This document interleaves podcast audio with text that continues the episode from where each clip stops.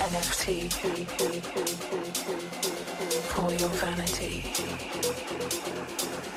Computers never sleep, sleep, sleep, sleep, sleep, sleep, sleep. It's verified, it's guaranteed. NFT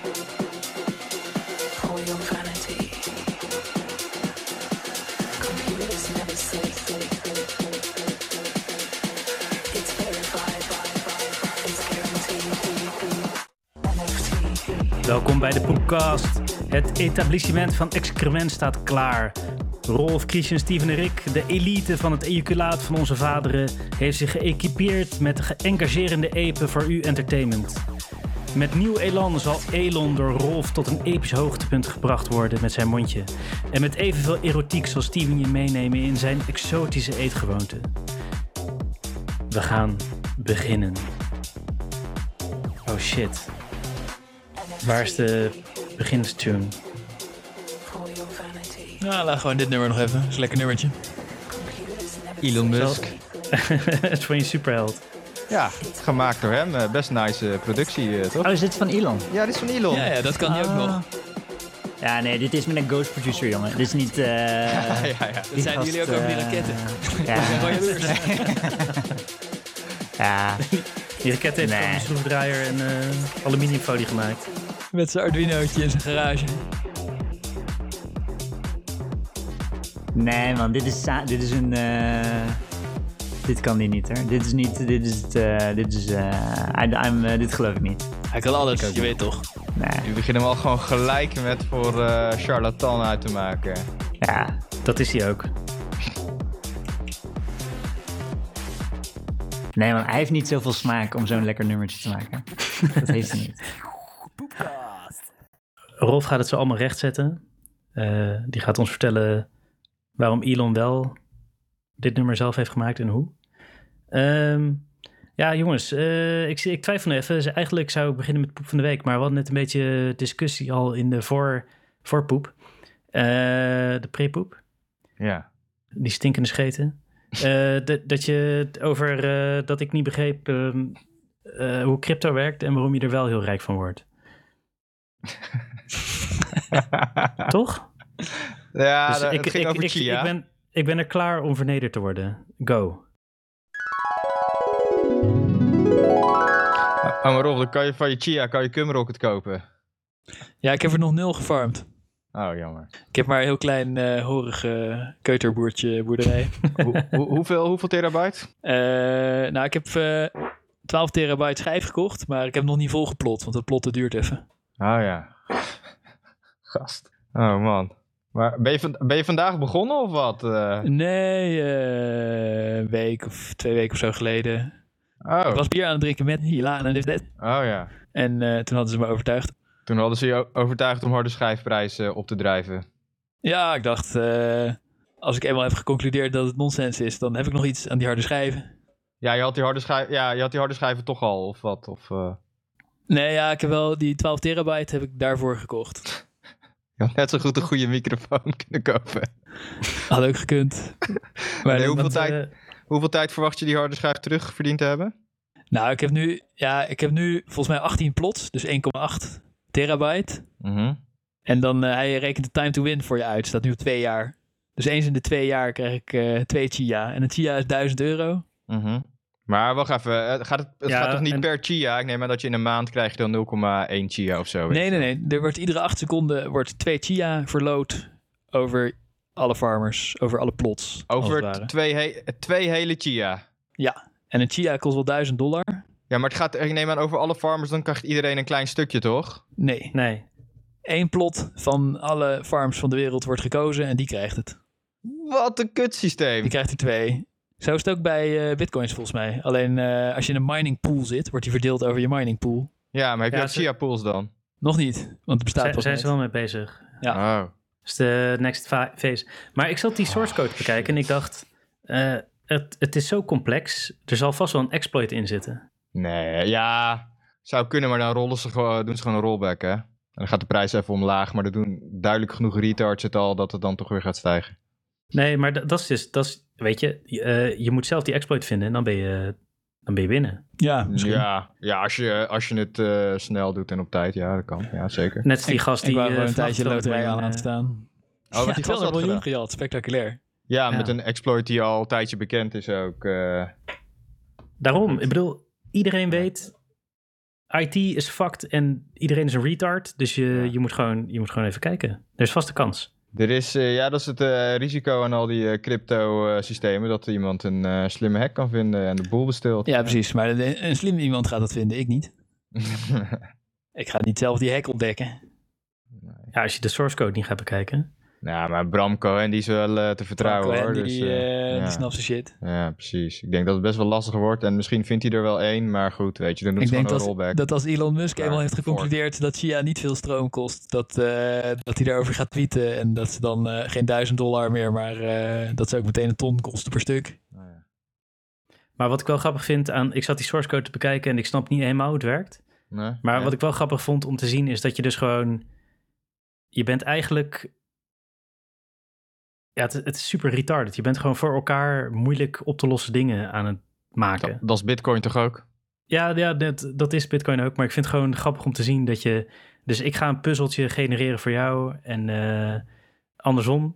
Ja. En dan, als je genoeg puzzeltjes van elkaar bij elkaar gooit, dan kun je een soort betrouwbaarheid organiseren. Het is best wel, het is wel een grappig idee, Mhm. maar het slaat nergens op. Nee, ik vind, ik vind het gewoon een fucking waste van, eh, van HD-ruimte. Dat, eh, maar goed, eh, nu, nu, nu, nu zijn al die wankers alle HD-prijzen aan het fucking opdrijven. En ik wil net over een maand een computer gaan kopen. Ik hoop dat ik dan nog net op tijd ben. Of binnen nu en... de videokaarten zijn alweer extreem. Maar zijn die echt allemaal, want dat, ik zat dat een beetje te lezen, maar zijn die echt allemaal op? Ik? HD's. al die videokaarten? Videokaarten, die zijn Videokaarten fucking, al heel eh, lang, eh, fucking eh, overprijsd. Overprijsd. Zijn niet allemaal op, maar zijn echt fucking duur geworden. Maar gelukkig hoef ik geen goede. Maar ik wil wel graag een, een beetje goede HD. Maar ik denk dat ik da- daar nog op tijd mee ga zijn. Ik denk als je chillen SSD, volgens mij kopen ze alleen maar van die crappy Oh ja. grote storage dingen. Ja, want de truc van Chia Farmen is dat je een snelle SSD moet hebben, gewoon eentje. Ja. En dan moeilijk veel trage HDD's, of ze hoeven niet per se Ah. traag te zijn. Maar voor dat farmen eh, heb je niks bijzonders nodig. Dus je, Ah, je ja. plot op je SSD en dan als die af is, dan wordt die weggeschreven naar je gewone harde schijf. En Ah, ja. dan eh, plot je weer nieuw op je SSD. Ah, ja, grappig. Dat plot, maar ik begrijp, ik begrijp totaal niet wat er in zo'n plotbestand zit. Er zijn bestanden van 100 gigabyte. Ja, het zijn, gewoon, het zijn gewoon grote databases. Wat ik zag in de source code. Maar daarom denk ik, daar zit een exploit. Dat gevoel heb ik. Maar ik ga er, ik ga er nog, eh, ik ga er Dat nog je tegen de blockchain over, eh, beweert dat je, er, dat, je- dat je er 6000 hebt. Terwijl het niet waar Ik- is. Ik, ik vermoed dat er een manier is om te spoeven. Maar ik las ook al in die whitepaper dat hij zelf ook al had nagedacht over hoe je het kan spoeven. Oh, ja, dat neem ik aan. Je moet, eh, ik, ik ga het nog even, ik ga het, maar ik snapte het allemaal niet, dus ik ga het nog een keer lezen. Oké, oké. Nou, eh, eh, Rick, doe die exploit, laat het me weten. En dan gaan we even pump en dump doen of zo. Ik beloof dat, eh, dat als het me lukt, eh, wat ik niet verwacht, dat je eh 10 chia of zo van me krijgt. Oké, Ik weet niet of het, dan, zou, dan nice. zou ik waarschijnlijk moeilijk veel chia kunnen jatten. Oh, nice. Natuurlijk. Maar dan Oh, gaat ze, dan mits gaat ik zelf meer dan, dan, dan Ja. dat, die hoeveelheid Ja. chia. Ja, maar dan gaat ze dus gelijk een rollback eh, doen hè, als ze erachter komen. Dus daarna moet, dan moet je, zodra die Chia hebt, zo snel mogelijk verkopen voor, eh, voor eh, iets anders. Want Chia is dus echt zijn eigen blockchain, hè? Dus die kan, je kan, kan je Chia kopen op Binance of... Weet ik niet. Het, het heeft wel zijn eigen blockchain. Ik weet niet of je het op Binance of waar dan ook kan kopen. even, wat, hoe, wat is de ticker? Maar waar komt die waarde van 1000 euro dan vandaan? XCH, volgens mij. Ik neem aan dat het ook op een gegeven moment ook steeds... Is het, is, het is neem ik aan capped, of niet? Volgens CoinMarketCap is het nu 1000 dollar. Ja, maar is, is, 995. is Chia zelf capped, of niet? Ik, ik weet niet wat dat betekent. Of eh, zeg maar eh, dat er niet meer, eh, zeg maar, limited supply.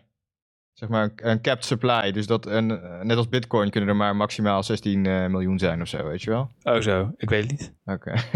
dat is wel op zich ja, wel ja. nuttig Ja, om te weten. Dat het niet een of andere doosje inflationary... eh, Ja, kijk, eh, over een half jaar kan je toch niet meer farmen. Want dan zitten allemaal Mongolen met hun 6 miljoen eh, terabyte farm erin. ja, En nu is het gewoon een loterij waar je 2000 dollar kan winnen. ja. Maar je, ja, je hebt ook wel onkosten zelf. Ja, je moet die harde schijven kopen. Maar eh, kijk, die, eh, nee, nee, die, die hebben dus 500 plots, is 50 terabyte. ja. Ja, En de een heeft al één keer gewonnen en de ander twee keer. Dus dat is 2000 en 4000 dollar. En daar, kunnen ze die, die, daar hebben ze die 50 terabyte eh, eh, instant mee terugverdiend. Koop ze nog weer harde schijven. Ja, en ze heeft meteen uit aan nog meer harde schijven. die foto van Nifty met die hele rij dingen op.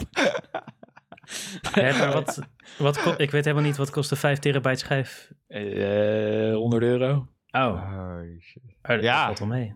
Ja, dat kan je wel. Ik eh, dacht dat ze duurder waren ja. eigenlijk. Oké, maar die loterij is dus eh, één keer in het maand? Of zo, wat zei je nou? Nee, iedere twee 8 chia's- seconden. Iedere acht seconden twee chia. Ja. Oh, nice.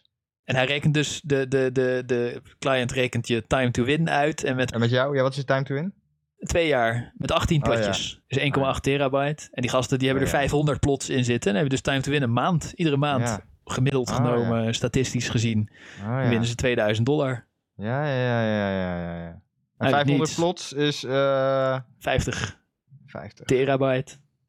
50 terabyte. Oh, ja. Het is wel echt tering veel, 50 terabyte. ja, fucking Mongolen. Ja, ik wist ook helemaal niet dat je van die harde schijven van eh 20 terabyte kon kopen. Maar die zijn dus inderdaad, eh, als je op Tweakers Pricewatch kijkt, die zijn allemaal meer dan verdubbeld in prijs. Die echte 50 terabyte schijven.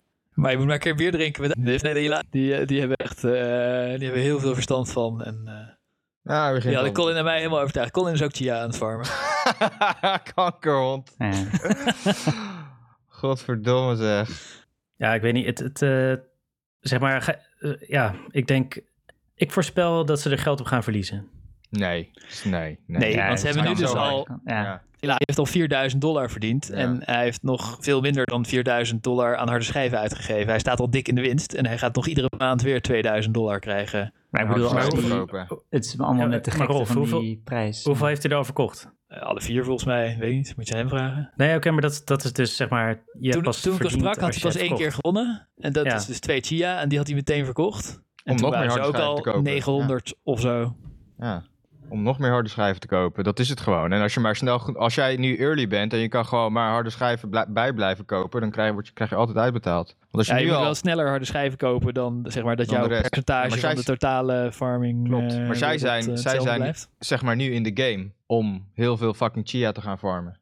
Oké, Ja. nou, mijn early. voorspelling is eh, dat ze er uiteindelijk geld op gaan verliezen. Nee. Ja, om er nu nog uiteindelijk geld op te verliezen, moeten ze dus echt voor, voor 600 terabyte aan harde schijven gaan kopen. Dan, dan hebben, ze, hebben ze misschien verlies, maar dan hebben ze wel 600 terabyte aan harde schijven. En dan gaat het to Eh, win naar... Ja, het ligt eraan eh, hoe groot de totale farming eh Ja, scene Ja, precies. dan is. ja. Maar ik, ze maken echt wel kans om dikke, dikke eh, te cashen. Nou, leuk voor die boys. Ja, Ik, eh, ik ben sceptischer dan jullie, maar Ja, maar gast, je bent sceptisch over... ja je bent overal sceptisch crypto, over ja, als het niet eh, door Wopke Hoekstra is eh, precies. Ja, nou ja, ik bedoel, eh, vooralsnog eh heb Ja, ik nee, gelijk. dus, Ik eh, denk ook niet dat ze, dat ze eh, nu met pensioen kunnen en van hun Nee. chia farm gaan leven. Maar hoe kunnen ze daar nou verlies op maken? Tuurlijk, Ja. tuurlijk verdienen ze er geld aan. Ja, het is gewoon echt, sommetje is heel simpel, Rick. Nou ja, als die Chia instort. Ja, maar Als, goed. Ja, eh, Het, het sommetje is heel simpel, zeg maar. Dit is precies hoe die crypto werkt. Zeg maar, nu denken ze, oh wauw. Jullie denken ook, wow, zo, die gasten hebben een paar duizend euro verdiend. Eh, iemand heeft dus gewoon een paar honderd miljoen, wat best wel fuck veel geld is. Wat was het, 100? Die TIA was nu al, die had nu al een market cap van 100 miljoen of zo. Dus iemand heeft eh 100 miljoen eh, neergelegd om dit... 500 eh, miljoen. 500, 500 miljoen euro zit erin om dit Ja. een, een starter boost te geven. Maar waarom denk je dat er 500 miljoen euro in zit? Ja, wat is dit nou weer? Eh, dollar, toch? Ja. Ja, nee, maar market niemand, cap? niemand- ja, de market cap is niet hoeveel geld erin is gestopt. Nee. Dat is hoeveel geld het nu waard is als je het allemaal zou bezitten en verkopen tegen de huidige koers. Maar dat betekent niet dat er zoveel geld Nee. van buitenin is gegaan. Sterker nog, market cap is gewoon de prijs van de laatste trade maal de supply die beschikbaar is. Precies. En als jij in één keer alles wilt verkopen, dan ga, stel je zou alles hebben en je wilt het in één keer verkopen, dan ga je het echt niet tegen de market cap eh, wegzetten Nee, zonder een deal Oh, te sluiten. Oké. De market Dus cap is gewoon nog- het aantal coins maal de wisselkoers. Ja, Oh, nou, bedankt voor deze uitleg, want het is dus nog veel holler dan ik dacht. Er is maar dus zo een werken verzonnen aandelen prijs. ook, gast. zo werken aandelen exact ook. Eh, Wat dacht jij dan dat nou ja, het was? Dat iemand dat erin Ja. heeft gestopt. Maar waar moeten ze het in stoppen? In harde schijven? Nee, nee oké, dat is goed. Maar dan, eh, ik ben debiel, maar goed. Eh, dus er is, de, het is 1000 euro, het stelt niks voor. Stel dat, eh, nu denken jullie, oh, oh, die gast die, eh, die hebben een paar duizend euro verdiend. Dan ga je allemaal geld erin stoppen, hard schijven kopen. Ja, Investeren, investeren, investeren. Uiteindelijk 99% van de mensen verliest hun geld. Oh, net als met bitcoin miners toen die eh, eerst Nee, waren. maar, nee, Ja, net als Met- met alle crypto tot nu toe. nee, maar al die gasten Gast. die hun geld kwijt zijn aan bitcoin, die zijn aan het speculeren. Die kopen zich in. Die minen Ja. niet. Ja, klopt. Er zijn ook echt heel veel miners zwaar de mist ingegaan. Ja, ja, klopt. Oh, Maar dat is als je echt... eh, weet je, als, dat is als je gewoon dom bent. Ja, als je gewoon Als je super bent. hardware koopt. Maar voor die Chia hoef je dus alleen maar, alleen maar crappy harde schijven te kopen. Dat is... Ja, ja, de, ja nee, maar dat, dat is dus de, de, de fallacy. Want oh, je hoeft alleen maar harde schijf te kopen. En die prijs gaat nu al, die is nu al verdubbeld van de harde schijven. Ja, ja. Eh, dus die- het is dus- een rekensommetje gewoon. Het is gewoon een simpel rekensommetje. Je kan toch gewoon berekenen van... Hé, hey, ik, ik heb zoveel chia verdiend. Zoveel geef ik uit aan harde schijven nu. En dan wordt mijn time to win wordt dit. En dan... eh, en, en zo ga je gewoon elke maand verder. Ja. Ja, klopt. Hoe Totdat iemand eh, opeens besluit van nou fuck it, ik dump al mijn chia. Nou ja, dan, gaat dan, de koers onderuit. Dan heb Ja, jij die investering gedaan, maar dan kun je nooit je geld er meer ja, nou uithalen. ja, dan zet je toch ook een stukje van je chia vast in stablecoin. eh, boeiend. Ik bedoel, ja, als iemand het je verkoopt gewoon voor euro's zodra je ze of- farmt. Of je koopt een andere coin, whatever. Eh, Ik ben heel, ik ben heel benieuwd. Volgens dat mij gaan laatste beleid. Rolf, eh, is, eh, dat zou nog best verstandig zijn. Gewoon gelijk verkopen. Dat, dat kan. Maar, ja, Maar dat, als je dat doet, dat is verstandig, ja. Ik zou sowieso een gedeelte hodelen en eh, een gedeelte harde schijf kopen. Laten we zeggen misschien 50% harde schijf. 25% chia houden en 25% ja, in eh, fucking Ethereum of zo, weet ik veel wat. eh, en dan eh, is het allemaal wel best. Dus zoiets zou ik doen. En dan kom je, echt, wel, dan kom je echt wel uit in de winst. Gegarandeerd. Ja, ja gegarandeerd. Er waren, er waren 800 miljoen, nee, 800.000 faillissementen vorige week. Faillissementen, Nee, liquidaties. Ja, dus eh, mensen die niet, ja, die niet konden betalen. Ja, volgens mij zitten wel in de problemen, die mensen. Oké, wat is het verschil? Oh, we moeten dit eigenlijk opnemen, want dit is zo kankerdom. Dat vinden onze luisteraars wel Goede mooi. content dit, ja. Ja. Wat is het verschil Ja. tussen liquideren en Zullen we, failliet? zullen, ja, zullen we zo meteen mee beginnen, Rick? Dan leggen we dat allemaal uit. Dan kunnen we dit gesprek even opnieuw doen, want dit is wel gewoon goede content. Content. Ah, jullie maar zijn wel echt zuur als het gaat om crypto. Jullie worden echt helemaal gemeen gewoon. Ja, volgens mij ben jij hier de... Even kijken. Wat, omdat ik kritisch ben op crypto? Nee, nee, nee, nee, nee. Het, is niet, het heeft niks, niks met kritisch te maken. Wacht even. Ehm, zullen we even... Ah, je, wil, je wil per se dat iedereen blut gaat. En je probeert allemaal inhoudelijke argumenten te gebruiken, maar je begrijpt niet waar je het over hebt. ja, precies. Dit, dit moest er dus in. Godverdomme. Ik denk over Chia en eh, over die plots. En eh, alle fuckers bij deze stop, stop met Chia farmen. Hou harde schijven alsjeblieft. eh. ik game niet zoveel. Maar harde schijf eh, koop ik nog wel af en toe. Dus eh, Koop gewoon een oude harde schijf van een Chia farmer. ja, al helemaal vol geplot en gefakt. En, eh, nee, maar je moet die fancy, eh, die fancy nieuwe SSD's die straight into je motherboard gaan. Want volgens mij, ik denk dat die Chia farmers niet die, Jawel, juist wel. Ja. Ja, die zijn gaan ze- snelst. die NVMe... eh, Ja, je, moet, je moet de plots maken op een snelle SSD. En dan kan je ze gewoon wegzetten Ja. op de oude kut harde schijf. Maakt niet uit. Het is wel Oh, next level retarded shit. computer waarop je de plots aanmaakt moet zo snel mogelijk zijn. En juist zo'n eh, zo'n NVMe schijfje. Hmm, maar die zijn wel chill. Die NVMe, die zijn wel... eh, dus toen ik die... Toen ik mijn computer bouwde, toen had ik voor het eerst... eh, weet je, was in zoveel jaar. En toen kwam ik dat ding tegen. Het was echt een soort alien artefact. Zo, wow, wat hebben we in de, in de toekomst terechtgekomen... dat ik gewoon harde schijven direct in de moederbord aan het pluggen ben. En je moest er ook een beetje buigen. Dat was best wel chill. Hij voelde een soort van... dan zit hij met zo'n hendeltje vast. Ja, dat was nice. Dat was, eh, ik kan het je aanraden, Christian. En zo'n NVMe. SSD. Dat is lekker. Ja, Ga, oh, dat- die zat ook wel zeker op de, op de Ja. kaart. Maar eh, Ja, natuurlijk. ik denk die wel- hebben. Maar wanneer, wanneer was dit, eh, Steven? Het bestaat toch al een tijdje? Ja, dit was vorig jaar, zoiets. En de vorige computer die ik bouwde was zes jaar daarvoor of zo. Ja. Ja, Oh, ja. je gaat... Als je, ja... Je bouwt niet elke paar jaar een nieuwe computer. Ja, Tenzij je ja. gelijk bent. Maar Chia is denk ik een beetje een soort... eh, als het gaat om eh, crypto... Dan, is, dan zou ik Chia denk ik vergelijken met een soort eh, eh, kanker. Want het neemt gewoon nutteloze ruimte in. Maar waar wil je normale bitcoins dan mee vergelijken? Met AIDS of zo? Ja, corona. Ik, weet- ik, dat weet ik niet zo goed. Maar dit gewoon een soort groeiende tumor die alleen maar nutteloze ruimte inneemt en verder niks. ja. Het, het, het, lever, het doet niks, het, het neemt alleen maar... En op een gegeven moment... Jawel, maar de, de bedenker eh, die, die dacht van, goh, het is zo zonde dat bitcoin zoveel stroom gebruikt. Nutteloos verspilde stroom. Dus we moeten iets anders nutteloos verspillen wat minder slecht is voor het milieu. Dus toen dacht hij schijfruimte. En je hebt bij eh, bitcoin Maar- heb je proof of work. Maar, ja. En eh, bij Chia heb je proof of time and space. En dat klinkt sowieso al helemaal Ja, klinkt wel vet. als die Maar is nu niet een vet woord. de proof of work is gewoon verschoven tot achter de harde schijf. Dus Ja, hard schijven eh, bouwen. harde schijven bouwen is nu de proof of work Dat klopt. geworden. Dus gewoon zeldzame metalen. Ik denk dat je bijna, ik weet niet, ja, volgens mij kost een harde schijf best wel wat energie om in elkaar te zetten. Ik denk dat het erger is dan bitcoin. metalen. Nou ja, ik denk Ja, inderdaad... nee, kijk, een 3D-kaart kost ook energie om in elkaar te zetten. Maar daarna kost het ook nog energie om Ja. te draaien. En daar de schijf kost alleen maar energie om in elkaar te zetten. Ja, maar Ja, volgens mij was het nu al zo dat iemand die we kennen, ik zal geen namen noemen, eh, die was nu al bezig met eh, elke, elke twee dagen een nieuwe harde schijf kopen. Om zijn Chia farm uit te breiden. En volgens Ja, mij met spectaculair. videokaarten ga je toch iets minder hard eh, vol. eh, toch? Nou, je, weet hoe, hoe snel die coin miners eh, zijn gegaan hoor, in het begin, eh, gast. Dat ging echt wel fucking Ja. hard. True. Maar toch, de, ik, zeg maar, je weet ook zo'n datacenter met hard schijven, dat gaat gewoon als eh, koekjes eh, erin en eruit. Ja. Ja. Ja, god. Ja. Wie maakt er nu nog bitcoin thuis? Het zal wel hetzelfde zijn als dat op een gegeven moment allemaal Chinese datacenters van 100 miljard ja. exabyte of weet ik veel wat eh, die shit staan te minen. Fucking Microsoft en Google echt eh, helemaal de hoofdprijs totaal uitgeknepen worden om nog een eh, datacenter eh, te kunnen opzetten. Ja, en dat het dan geen zin meer heeft om thuis te doen. dat is nu toch ook bij bitcoin, kan toch nooit uit om ze thuis te minen? Eh, nee, want het is allemaal Nee. van die eh, speciale chips ook. Het is niet eens meer videokaarten, zijn spe- speciale, noemen ze ASICs, van die super efficiënte chips. Ja, en in China is ook- het is ook, daar is de elektriciteit ook al veel goedkoper, hè? Dus dat scheelt, dat, eh, scheelt ook. Dus, Ja, ja. er zitten ook bitcoin mijnen bij stuwmeren te bouwen en zo. Spectaculair. Maar het ging net over, over liquidaties en Oh, ja. over... eh, Of dat wel of niet een faillissement is. Ja, Ja, ja, je begreep market cap al niet. Laten we even volledig inmaken. ja. Market cap. Ja, ik, ik eh, begreep market cap verkeerd, klopt. ja, en eh, En, en, en toen ging het erover dat er 800.000 accounts geliquideerd waren. En Ja. toen zei In ik, die 24 zijn failliet gegaan. In In, 24 in, uur. één, in één Ja. dag.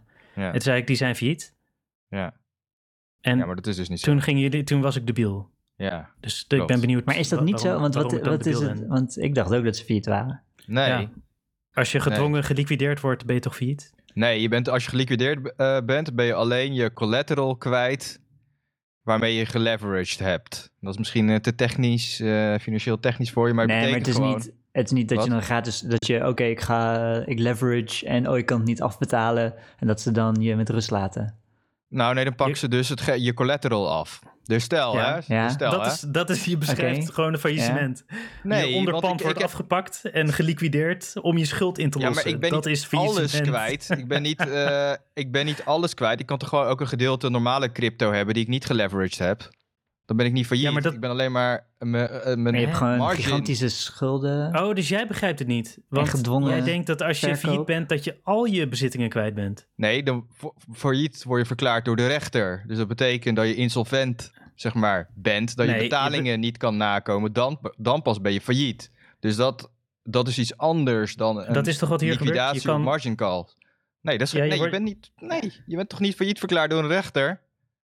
Nee, het is niet een rechter, maar er staat wel Nee. op die website staat RECT met R-E-K-T. Je- je bent- Eh, Ja, je bent ja. Ja. Ja, je bent niet bankroet, dat is iets anders. nee, ja, maar je, je hebt het. Je maakt Maar wat is er dan het- met die mensen aan de hand? Ik geef gewoon toe dat ik niet snap. Ze hebben geld geleend, maar hebben ze echt geld geleend? Of bitcoins? En hebben ze het zijn mensen die leveraged, geld geleend? Of die leveraged, bedrijf, eh, leveraged hebben ingekocht in bitcoin. En dan met een crash hebben ze niet genoeg eh backup. Maar ze hebben om- leveraged ingekocht. Dat betekent dat ze van Ja, iemand geld hebben geleend Ja, en geleend. daarvan bitcoins gekocht. Ja, ja. En dan kunnen ze niet terugbetalen. En daarom Ja. zijn ze... En dan met zo'n crash. Ze kunnen terugbetalen zolang het goed gaat met Maar bitcoin. wie de als het fuck dan- leent geld uit aan mensen Ja. die het aan bitcoin willen investeren? Ja, dus in de laatste 24 uur 800.000 mensen die dus... eh, Maar wie leent er geld uit aan mensen die het in bitcoin laat mij willen nou investeren? even, jongens, dan gaat Steven het weer uitleggen. Wordt het net weer zo'n proof of stake uitleg eh, waar helemaal niks van klopt. Nou, maar vertel. wat het, wat het dus is, hè, stel, oké, ja, ik heb 1000 euro aan bitcoin. Ja. En dan ga ik Mhm. naar, eh, ben ik op Binance, hè, dat is een eh, exchange, Bin- dat snappen jullie hè, een exchange, hè, dat is waar je crypto koopt. eh, voor oh ja, sorry, dollars. We zijn, Ja, een beetje ja. geprikkeld, hè? Ja, dus met die, met die Merk- 1000 euro bitcoin zeg ik tegen Binance van... hey, leen mij 2000 euro bitcoin. Ja? En dan... ehm, ja. Dus dan heb ik die geleend en daar betaal ik, bitcoin, betaal ik ehm, Binance dus ook eh, een fee voor. Een rente moet ik dan betalen. En dat is vaak per dag. Maar goed, hè, dus ik heb dan van met mijn 1000 euro bitcoin heb ik 2000 euro bijgeleend. Nou, als de prijs dan stijgt, dan pak ik dus over die 3000 bitcoin winst. Snap je? Dan pak ik meer winst dan met 1000 bitcoin alleen. En die 2 bitcoin moet ik wel weer een keer terugbetalen. Dus dat extra bijlenen, dus dat leverage heet dat, dat doe ik alleen als ik hoop dat bitcoinprijs gaat stijgen. Nou, gaat de bitcoinprijs dalen, dan zegt, eh, dan, als het dan 1000, als bitcoin dan 1000 euro daalt, hè, dan ben je gewoon al die 3000 euro, zegt Binance, geef alles maar weer terug aan mij. Snap je? Dus dan ben je, dan ben je geliquideerd. Ja, Dat- Dus dat Dat is wat dus. het is. Dat is een margin call. Maar niet, je bent echt een volledige retard als je met al je crypto gaat leveragen. Snap je? Ja. Als je met je hele collectie. Ja, maar dan zou je kunnen zeggen van je bent Maar- failliet. Maar de meeste mensen gaan met 50 of 30 procent. Gaan ze leveragen, worden ze gemargin called. Ja, en dan zijn ze geliquideerd, maar niet failliet. ja oké. Maar oké, Christian, dan is het een beetje een semantische discussie. Want faillissement is gewoon dat je eh, rechtsvorm, dat is hier niet het geval, maar die wordt geliquideerd. Want Trump heeft bijvoorbeeld ook eh 100 bedrijven gehad, waarvan er 80 failliet zijn gegaan. Maar Ja. hij is dan zelf niet bankroet. Maar die bedrijven zijn niet meer, eh, ja, die zijn niet meer solvabel, dus die worden geliquideerd. Ja, dat dus is ook een faillissement. Ja, dus dat, ja, maar dan zijn er dus niet 800.000 mensen failliet, maar 800.000 eh, virtuele internetconstructies.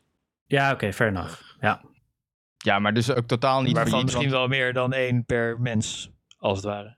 We weten Dat, het dat zou niet. kunnen. Dat zou kunnen. Ja, dat is waar. Je weet niet hoeveel. Je, dat is waar. Het kan allemaal bullshit zijn. Maar het, het, Nou, het is mooi. wel aannemelijk dat het, dat het een hoop mensen zijn. Ja, true. We gaan door naar de poef van de week, want we gaan nog veel meer crypto bullshit ruzie hebben. Ehm, ja, poef van de week.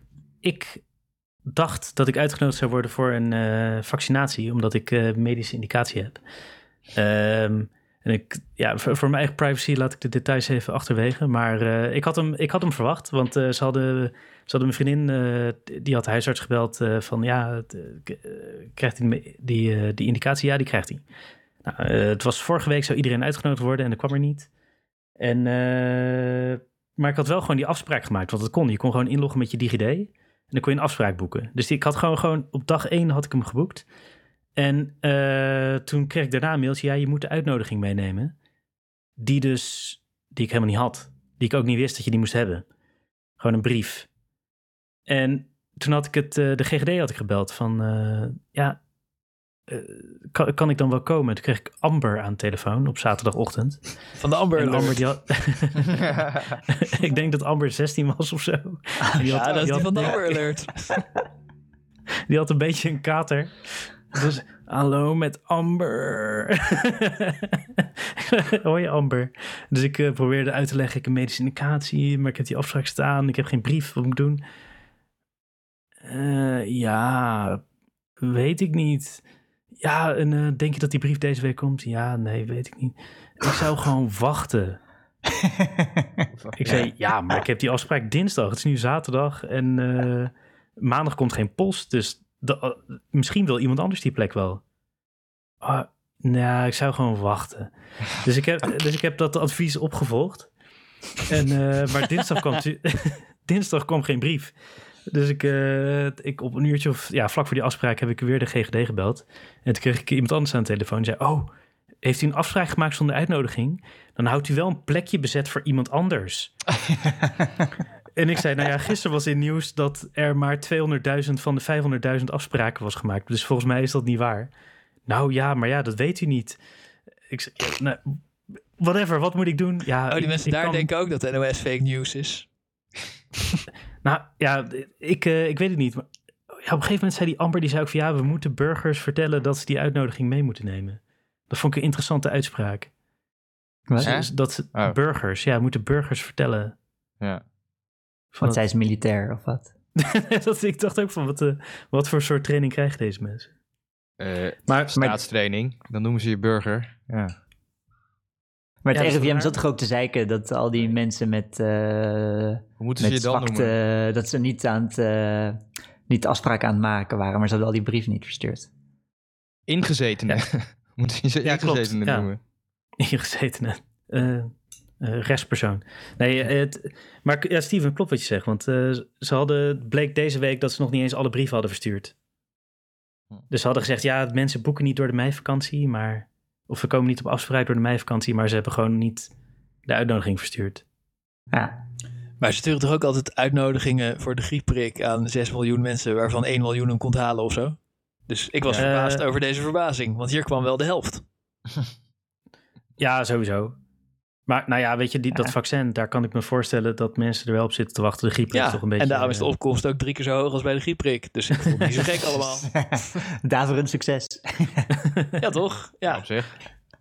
ja, Ja, ik denk nou ook ja, dat heel veel mensen denken van... oké, ja, die griepprik vind ik ook al onzin en ik ben jong... Ja. en geef hem eerst aan dikke oude mensen... want dan kan de kroeg eerder open. Maar dus de, de opkomst is drie keer zo hoog en ze hebben de helft van de uitnodigingen gestuurd. dus dat is gewoon zes keer zoveel. Dus dat is helemaal goed. ja, inderdaad. Dus eigenlijk, eigenlijk is het een daverend succes. Eh, nou, Zouden ze dan ook al die RIVM. griepprik-vaccins wel klaarleggen... en dan weer wegflikkeren als al die mensen niet komen? En dat volgend jaar gewoon nog een keer hetzelfde doen? Oh, dat is wel een goede vraag. Dan weet ik niet hoe ze dat doen. Hm. Ja, sorry, ik, ik, ik luister even niet. Zeg, zeg nog eens een keer, Rob. Rob. De eh, griepprik. Wordt je ook- even Chia aan het mijnen? Ja, echt. Even aan het drukken op een foto van Elon. Ja, zo- Ik zei, ik zoog de getallen uit mijn duim hoor, maar ik zei, er worden voor de griepprik volgens mij ook miljoenen mensen uitgenodigd die niet komen opdagen. Ik ken heel veel mensen die worden uitgenodigd, maar ja, nee, nemen. klopt. Klopt, klopt. En zouden ze nou wel zo. altijd genoeg vaccins inkopen? De Nederlandse bureaucratie en de farmaceutische industrie kennende, Ja, kopen ze wel voor iedereen die vaccins en flikkeren ze ze dan weer weg. nee, volgens mij houden ze rekening mee dat niet iedereen komt Ja. opdagen. Maar Dat volgens de statistieken RIVM zijn er gewoon. Wat? is het dezelfde groep, Rolf. Wat? Dus eh, die, die uitgenodigd worden voor de... ja, ja, dat was volgens mij de spelregel. Je mag voor de Ja, ja, ze hebben vaccinatie, eh, als je ook in aanmerking komt voor griepprik. Dat is gewoon een rule Ja. of thumb. Ja. Ja. En dat zouden 1 miljoen mensen zijn. En dat bleken er dus eh, anderhalf miljoen te zijn. Hm. Eh, Ze of weten zo, ook niet hoeveel van. mensen dat zijn. Nee, maar het komt ook doordat die huisartsen geen idee hebben wat hun patiëntenpopulatie is. En ze hebben wel een soort lijstje van griepprik, maar ze kunnen niet, ze kunnen niet eh, een Excel-sheet eh, ordenen op wie heeft een aandoening. Dus eh, Nee, ja, ik Ja. dacht dat griepriklijst gewoon de officiële spelregel was. Als je griepprik krijgt, mag je ook voordringen Ja. bij het vaccin. Eh, ja, dat, dat, was de, dat is het ook. Ja, dat klopt. Dat is de regel. Maar RTL Nieuws heeft een, eh, een guide gepubliceerd van hoe je gewoon een afspraak kan maken zonder. eh, eh, ja, maar zonder- dat, dat had ik dus. Ik had dus een afspraak.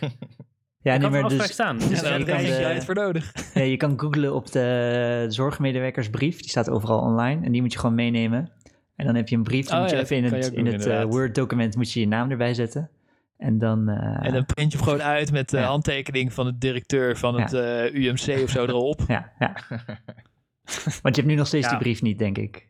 Nee, klopt. Ik heb die nog steeds niet. Maar volgens mij heeft je huisarts het verkeerd gedaan. Die moet toch die brief sturen? Fuck Nee, je ja, ja, huisarts, ja. maar dus het, het verhaal was ook nog niet af. Want, Oh, eh, eh, nee, dat maakt niet uit. Eh, maar het was meer van het... eh, dus ik, ik had... eh, op een gegeven moment las ik ergens van... Ja, het, het gaat per praktijk, huisartspraktijk. Dus ik dacht, hmm, eh, mijn vriendin heeft hem wel gehad, ik niet. Dus ik, ik bel toch maar even de huisarts.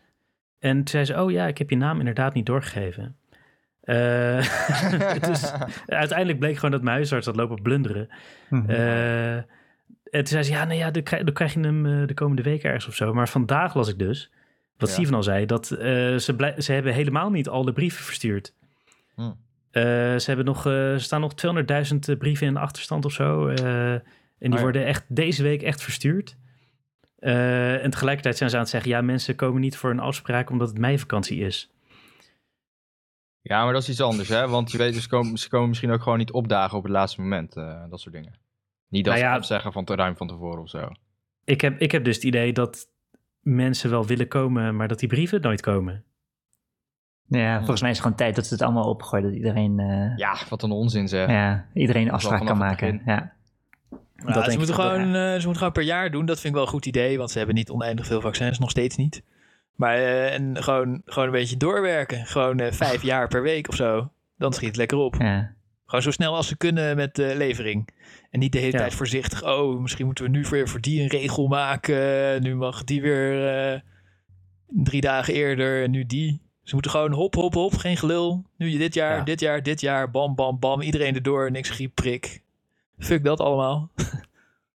Spuit het erin. Ja, wel de. Ja, echt. meest, eh, meest kwetsbare eerst, dat snap ik op zich wel, maar weet je... eh, het Jawel, maar als zo'n ijzer Nederlandse bureaucratie wordt opgetuigd om te Ja, bepalen wie er het meest kwetsbaar is, doe gewoon van oud naar jong. Dan heb je redelijk goede overlap met wie het meest kwetsbaar is. En gewoon hop, Ja. hop, hop doorwerken. Geen gelul. mogelijk. Maar ja, wat, zeg maar wat wel bizar is, is dat is, want ergens snap ik het, hè. Eerst de, eerst de zieke mensen eerst. Maar als je dan... Dus in- op een of andere manier hebben ze het voor elkaar gekregen... om nu 700.000 vaccinaties achter te lopen. In Ja. twee weken tijd. dat vind ik dan wel zo ultiem retarded irritant. Nederland is sowieso fucking traag al de hele tijd, toch? Dus ja, het Ja, klopt. is gewoon één Ja. grote shitzooi geworden. Ja, Kijk, weet je, wat, weet, je wat, weet je wat ze hadden moeten doen? Inderdaad, wat Rolf zegt op leeftijd, op, op, op eh, leeftijd inderdaad. En inderdaad, als je zelf kwetsbaar bent, eh, dan met een brief of ga gewoon lekker in de rij staan als je denkt dat je kwetsbaar bent en je hebt een aandoening of zo, weet ik veel. Maar niet, ja, tuurlijk gaan er dan mensen vorderingen en zo, maar dat percentage maakt geen vak uit. Nee. Eh, zeg gewoon, eh, we, doen, we doen het als je zegt van ik heb astma of weet ik veel wat de fuck, dan, mag je, dan mag je, klaar. En laat die paar cheaters die er dan maar al vorderingen, laat die dan maar lekker. Ik bedoel, dat zal Ja, een en paar ze gewoon ook zijn. in, want het Ja. zal ook heus wel helpen voor de verspreiding. En, Ja. want volgens mij hebben ze dus ook het systeem dat je per jaargang werd ingeënt, hebben ze op pauze gezet om die kwetsbare griepprik mensen te doen. Maar ja, Ja. En die kwamen toen niet. En dus er weer twee weken te kutten voor ze weer gewoon van oud naar Ja. jong verder gaan. Nee, eh, eh, nou, het is dus andersom, Rolf. Want ze, ze hadden het juist... eh, ze hebben nu mensen eerder uitgenodigd. Want ze zeggen, ja, die, eh, die zielige mensen komen niet. Maar die zielige mensen hebben hun brief nooit gehad om, eh, om te komen. Dus eh, dat, stond vandaag in de krant. Dus Ja. het, is, het is gewoon ultieme retardation all-round. ja, want het moet dus ook via de huisarts. Dus eh, die moet aangeven wie er kwetsbaar is of niet. Ja, Of wat? Jeetje, ja, ja, natuurlijk. ja, die moet jou opgeven. Ja, En huisartsen joh. zijn pussy-ass bitches. Nee, die pussy ass die kunnen dat bitches. niet Ik weet, Ja. je, weet, je weet hoe goed ze zijn met administratie. Dus eh Ja. gaat natuurlijk voor geen meter. Dat eh, geloof, wil ik ook nog wel geloven, ja. Ja, nou ja, ik, ik, het, eh, ik kan het eh, beamen. ja. Maar eh Rolf, je had ook nog een drolletje. Oh ja, even iets heel anders. Want we hebben in Nederland eh, een wat eh, moeizame kabinetsformatie momenteel. Oh, Daar hebben we het al uitvoerig over gehad. Ja. Maar eh, ik dacht, eh, je moet alles in eh, perspectief zien. Misschien valt het ook wel weer mee. Ik wil jullie even meenemen naar de kabinetsformatie in eh, Samoa. Samoa is een prachtig tropisch eiland in de Stille Oceaan.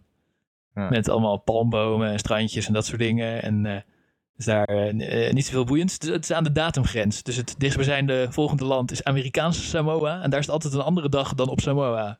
Op de, Hakka Rock, de Rock komt toch uit Samoa? Dat weet ik niet. Ja, die Hakka's zijn volgens mij in Nieuw-Zeeland. Oh, maar dat is op Nieuw-Zeeland dat, inderdaad. Ah. Maar dat is inderdaad, eh, ja. ja. een beetje potato potato. Het dichtstbijzijnde land wat je vanuit de ruimte kan zien is Nieuw-Zeeland inderdaad. maar Samoa wonen 200.000 mensen.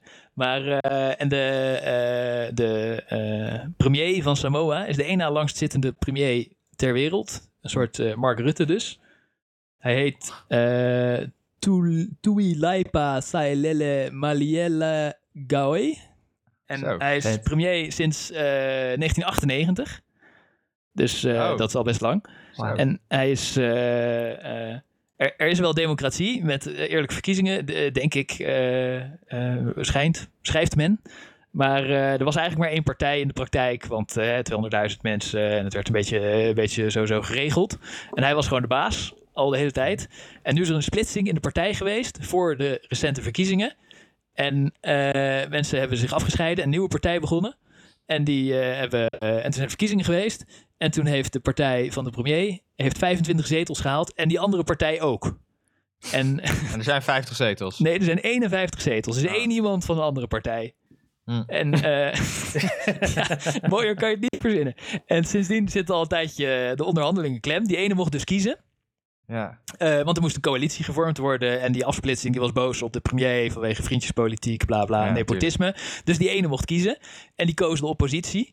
En toen zei de regeringspartij: ja, maar wacht eens even.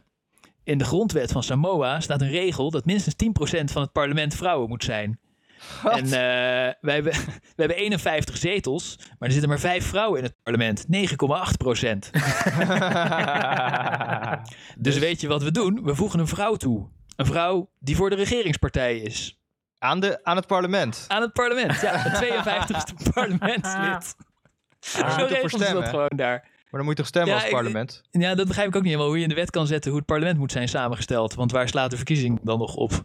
Het is dat, toch eh, taak van het parlement om, dat, om die wet te maken, of niet? Of wet in ieder geval te accepteren. Ja, dat lijkt mij ook. Maar ja, kennelijk hadden ze een onduidelijke wet gemaakt. En eh, ja. dan eh, zit je dus na de verkiezingen, gaan ze via de eh, Hoge Raad en de Constitutional Court, Oh. weet ik veel wat, zijn ze gaan ruzien.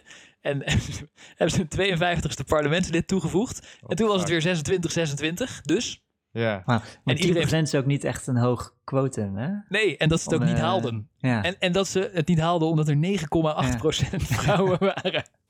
Hoe krijg je het voor elkaar? Ja. Maar eh, ja, zo, zo doen ze dat in Samoa. En toen was het 26, 26. En dan gingen ze allemaal zeggen, het vertrouwen is weg. En eh, hoe moeten we nu nog verder? En eh, janken op tv. Rechtszaak, rechtszaak, rechtszaak. En eh, weet het, toen heeft weer een, eh, de Election Commission heeft nieuwe verkiezingen uitgeroepen. En toen heeft de Supreme Court de nieuwe verkiezingen weer verboden. En het extra vrouwelijke parlementslid weer uit het parlement geflikkerd. Want ze Wat? zeggen, dat staat nou ook weer niet in de grondwet. en nu is het dus, nu is het dus weer 26, vrij- 25, al is het vrouwenquotum niet gehaald. En komt er waarschijnlijk voor het eerst in 22 jaar een andere premier dan eh Tuilaipa, eh, Oh ja. Vladiwadi, Sailele, Maliela Lagoy. En eh, weet het? Eh, nog, eh, nog iets interessants. Die man eh, is eh, eh, van na de onafhankelijkheid eh, is altijd al premier eigenlijk. En ehm, eh, die nieuwe, Ja. die is een eh, mevrouw die nu waarschijnlijk premier wordt, want ze zijn er nog niet helemaal uit. Ze zijn nog steeds rechtszaken aan het voeren. Die is een prinses uit de oorspronkelijke koninklijke familie van voordat Samoa een republiek was. Nee. Ook nog. Wow. Oh god, ze hebben op Nee. Maxima gestemd. Nee, want die is eh, aangetrouwd. Ze hebben op eh, eh, een van die aardappels gestemd. Hoe heette ze? Eh, Amalia. Ja. Nee, nou, ik zag dus een stamboom en Maxima komt uit dezelfde familie als Willem-Alexander. Ja, dat hoort in zulke families. Hoeveel stappen Dus- terug dan? Eh, ja, wel, wel tien generaties of zo. Ah, oké. Nou, dat is eh, dus eh, veel, veel verder verwijderd dan Beatrix en Klaus. En nog veel verder dan Juliana en Bernard waarschijnlijk. Ja, dat waren Want broers. die waren gewoon, eh, ja, precies. maar dat, eh, dat was een verkiezing van Samoa, vond ik wel mooi. En toen vroeg ik me af, hey, de ene na langstzittende premier van de wereld. Hoe zit dat? Ja. Op welke plek staat Rutte Rutte? eigenlijk? Nee, Rutte is eh, twaalfde namelijk. Na Ah, ja. Netanyahu en Orbán en eh, Merkel natuurlijk. Merkel is Ja. ook al 15 jaar. Oh ja. Eh, maar Maar, de aller... Merkel gaat weg. Ja. Rutte ook beweerde jij de hele tijd. We zullen zien. Eh, maar eh, de allerlangstzittende premier van de wereld is premier Hun Sen van Cambodja. Die is premier sinds 1985. Dat is 36 jaar geleden. Dang. En wat wel interessant is eh, aan Hun Sen is dat eh, sinds 1985 toen eindigde de oorlog tussen Vietnam en Cambodja. En daarvoor had je de Rode Khmer en eh, heeft Ja. Vietnam Cambodja, je kent het verhaal. Maar eh, sindsdien is eh, Cambodja veranderd van, zeg maar, een, nou ja, het kwam als Khmer nationalistische Ja, dictatuur, Ja. uit die oorlog. Zijn echte communistische, stalinistische dictatuur is hij begonnen. Ja. En eh, nu is hij eh, gewoon eh, vrije marktkapitalisme. Net- Net als Vietnam en een heleboel van die landen in die regio, Laos Ja. en zo. Alleen, alleen daar wisselt ook af en toe dan de leider. Maar hij, is gewoon, hij heeft gewoon al deze regimes geleid. En is nu dus premier van een kapitalistisch Cambodja. Maar hij heeft geen eigen ideologie, eh, wordt ook over hem geschreven. Maakt hem niet uit. Hij is gewoon de baas. Ja. Ah, dat, dat klinkt herkenbaar. Fascinerend, hè? Ja, de Mark Rutte van Cambodja. Dus, dan valt onze Mark Rutte misschien nog wel mee. Hun Sen heet deze Ja. man. Hou hem in de gaten. Hij is ook, ehm, moet ik even kijken hoor. Ik heb het hier ergens. Hij is 68. Oh, dat is nog vrij jong. Ja, die zo lang Hij zit. hij is in door. 52 geboren. Ja. En in, eh, eh, wat zei ik nou net, 85 eh, premier geworden. Oh ja. Toen hij Dang. 33 was. Dang. Nice. en nu is hij bijna 70. Sick. Dat is echt de, de, de hardcore oermark Rutte. Ja. Maar wat, zeg maar, ik, ik, ke- ik weet weinig van deze gast. Alleen eh, Merkel vind ik dan Pot, ja. een Ik lastige van, vergelijking. ik. Ja? Maar alleen, als, ik- zeg maar, wat ik vaak denk over Rutte is van, wat heeft hij nou, wat heeft hij nou bereikt in Nederland? Wat heeft hij nou gedaan?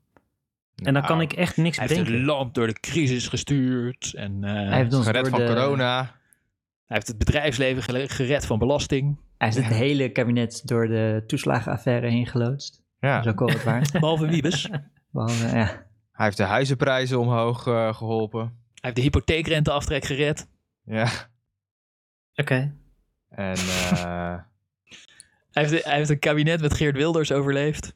fair enough, fair enough. Ja, ja, het is allemaal waar. Ik doe het hem niet na.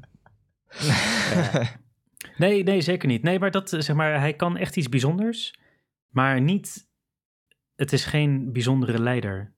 Nee, ik denk dat hij net als Hun Sen geen ideologie heeft. En dat als het parlement zou besluiten dat Nederland ook een Stalinistische dictatuur zou moeten worden, dan zou hij zeggen: Ja, is goed, ik leid het wel. Ja, nou, dat, dat, dat geloof ik ook echt. Ja, ja dat denk ik ook. En, en niet eens eh, grappig bedoeld, gewoon, ik geloof echt dat als iemand zou zeggen, ja, we worden nu een Stalinistische dictatuur, eh, ik wil dat je 15 parlementsleden executeert, dan zou hij dat morgen regelen. Ja, is goed. Pieter Dat Omtzigt. geloof ik echt. Oh, ja. Nou, eh, nou ja, als dat moet, dan moet dat. eh, Oké, Pieter, ga jij maar even daar staan. Doe dat touw maar even om je nek. Ja. ik, ik denk dat hij er geen enkele moeite mee zou hebben. Hey Rolf, hoe, eh, hoe, ik heb de nieuws laatste, de politiek nieuws de laatste tijd niet goed eh, gevolgd. Want hoe zit het nou eigenlijk met die eh, formatie? Is er nog een beetje...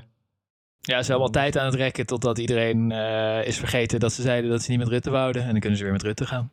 Oh ja. Oh, want, eh, want die Cenk Willink die had een of andere bullshit verslag eh, geschreven. Nou, die moest onderzoeken of er voldoende vertrouwen was. En die heeft een lijvig rapport geschreven. De conclusie van Cenk Willing was, eh, er is wel weinig vertrouwen. Maar eh, Ja. Maar op de inhoud gaat het lukken. En die is fucking Mariette Hamer is dan nu eh formateur. ja, die zit eerst met eh, Formateur. vertegenwoordiger van de jongeren te spreken. Met de directeur van de Efteling. En eh, Maar PvdA gaat zich dus weer laten gebruiken. Daar, daar, daar lijkt het heel erg op. Of je dat gevoel Ja, krijgt en- een beetje. En CDA heeft ook alweer ja gezegd, Kiesin. Ja, maar dat was duidelijk. CDA, dat, dat, was duidelijk. zeiden we toch al aan het begin. dat was duidelijk. gaan gewoon Ja, nee, maar die hebben nu ook op tv ja gezegd. Ja, nou ja. Eh, het, was, het was al Formaliteit. het was al tijdens dat eh, debat al duidelijk dat, eh, dat eh, Hoekstra gewoon mee zou gaan. hey, jij vroeg om ontwikkelingen. Ja, ja, ja, ja. Maar dat is niet, deze, deze ontwikkeling is al gebeurd. nou ja, het is niet op tv geweest. Dus het is gewoon Ja. inderdaad wat Rolf zegt. Oké. Er wordt naartoe gehikt. Oké, maar dus eigenlijk niet echt iets concreets nog. eh, ja, behalve dat Mariette Hamer, wat de fuck, die vond ik echt wel een waardeloze politicus eigenlijk, nu, eh nu formateur Ja, is. ik vond haar wel lachen. Maar ze is nu tijd aan het rekken. En ik denk ook inderdaad eh, dat als je geen nieuwe verkiezingen wil, moet je nu even tijd rekken totdat iedereen spijt van heeft dat ze zo streng waren tegen Rutte. En dan gewoon weer met hem verder. Hm. Ik denk dat wel een goede tactiek van er is.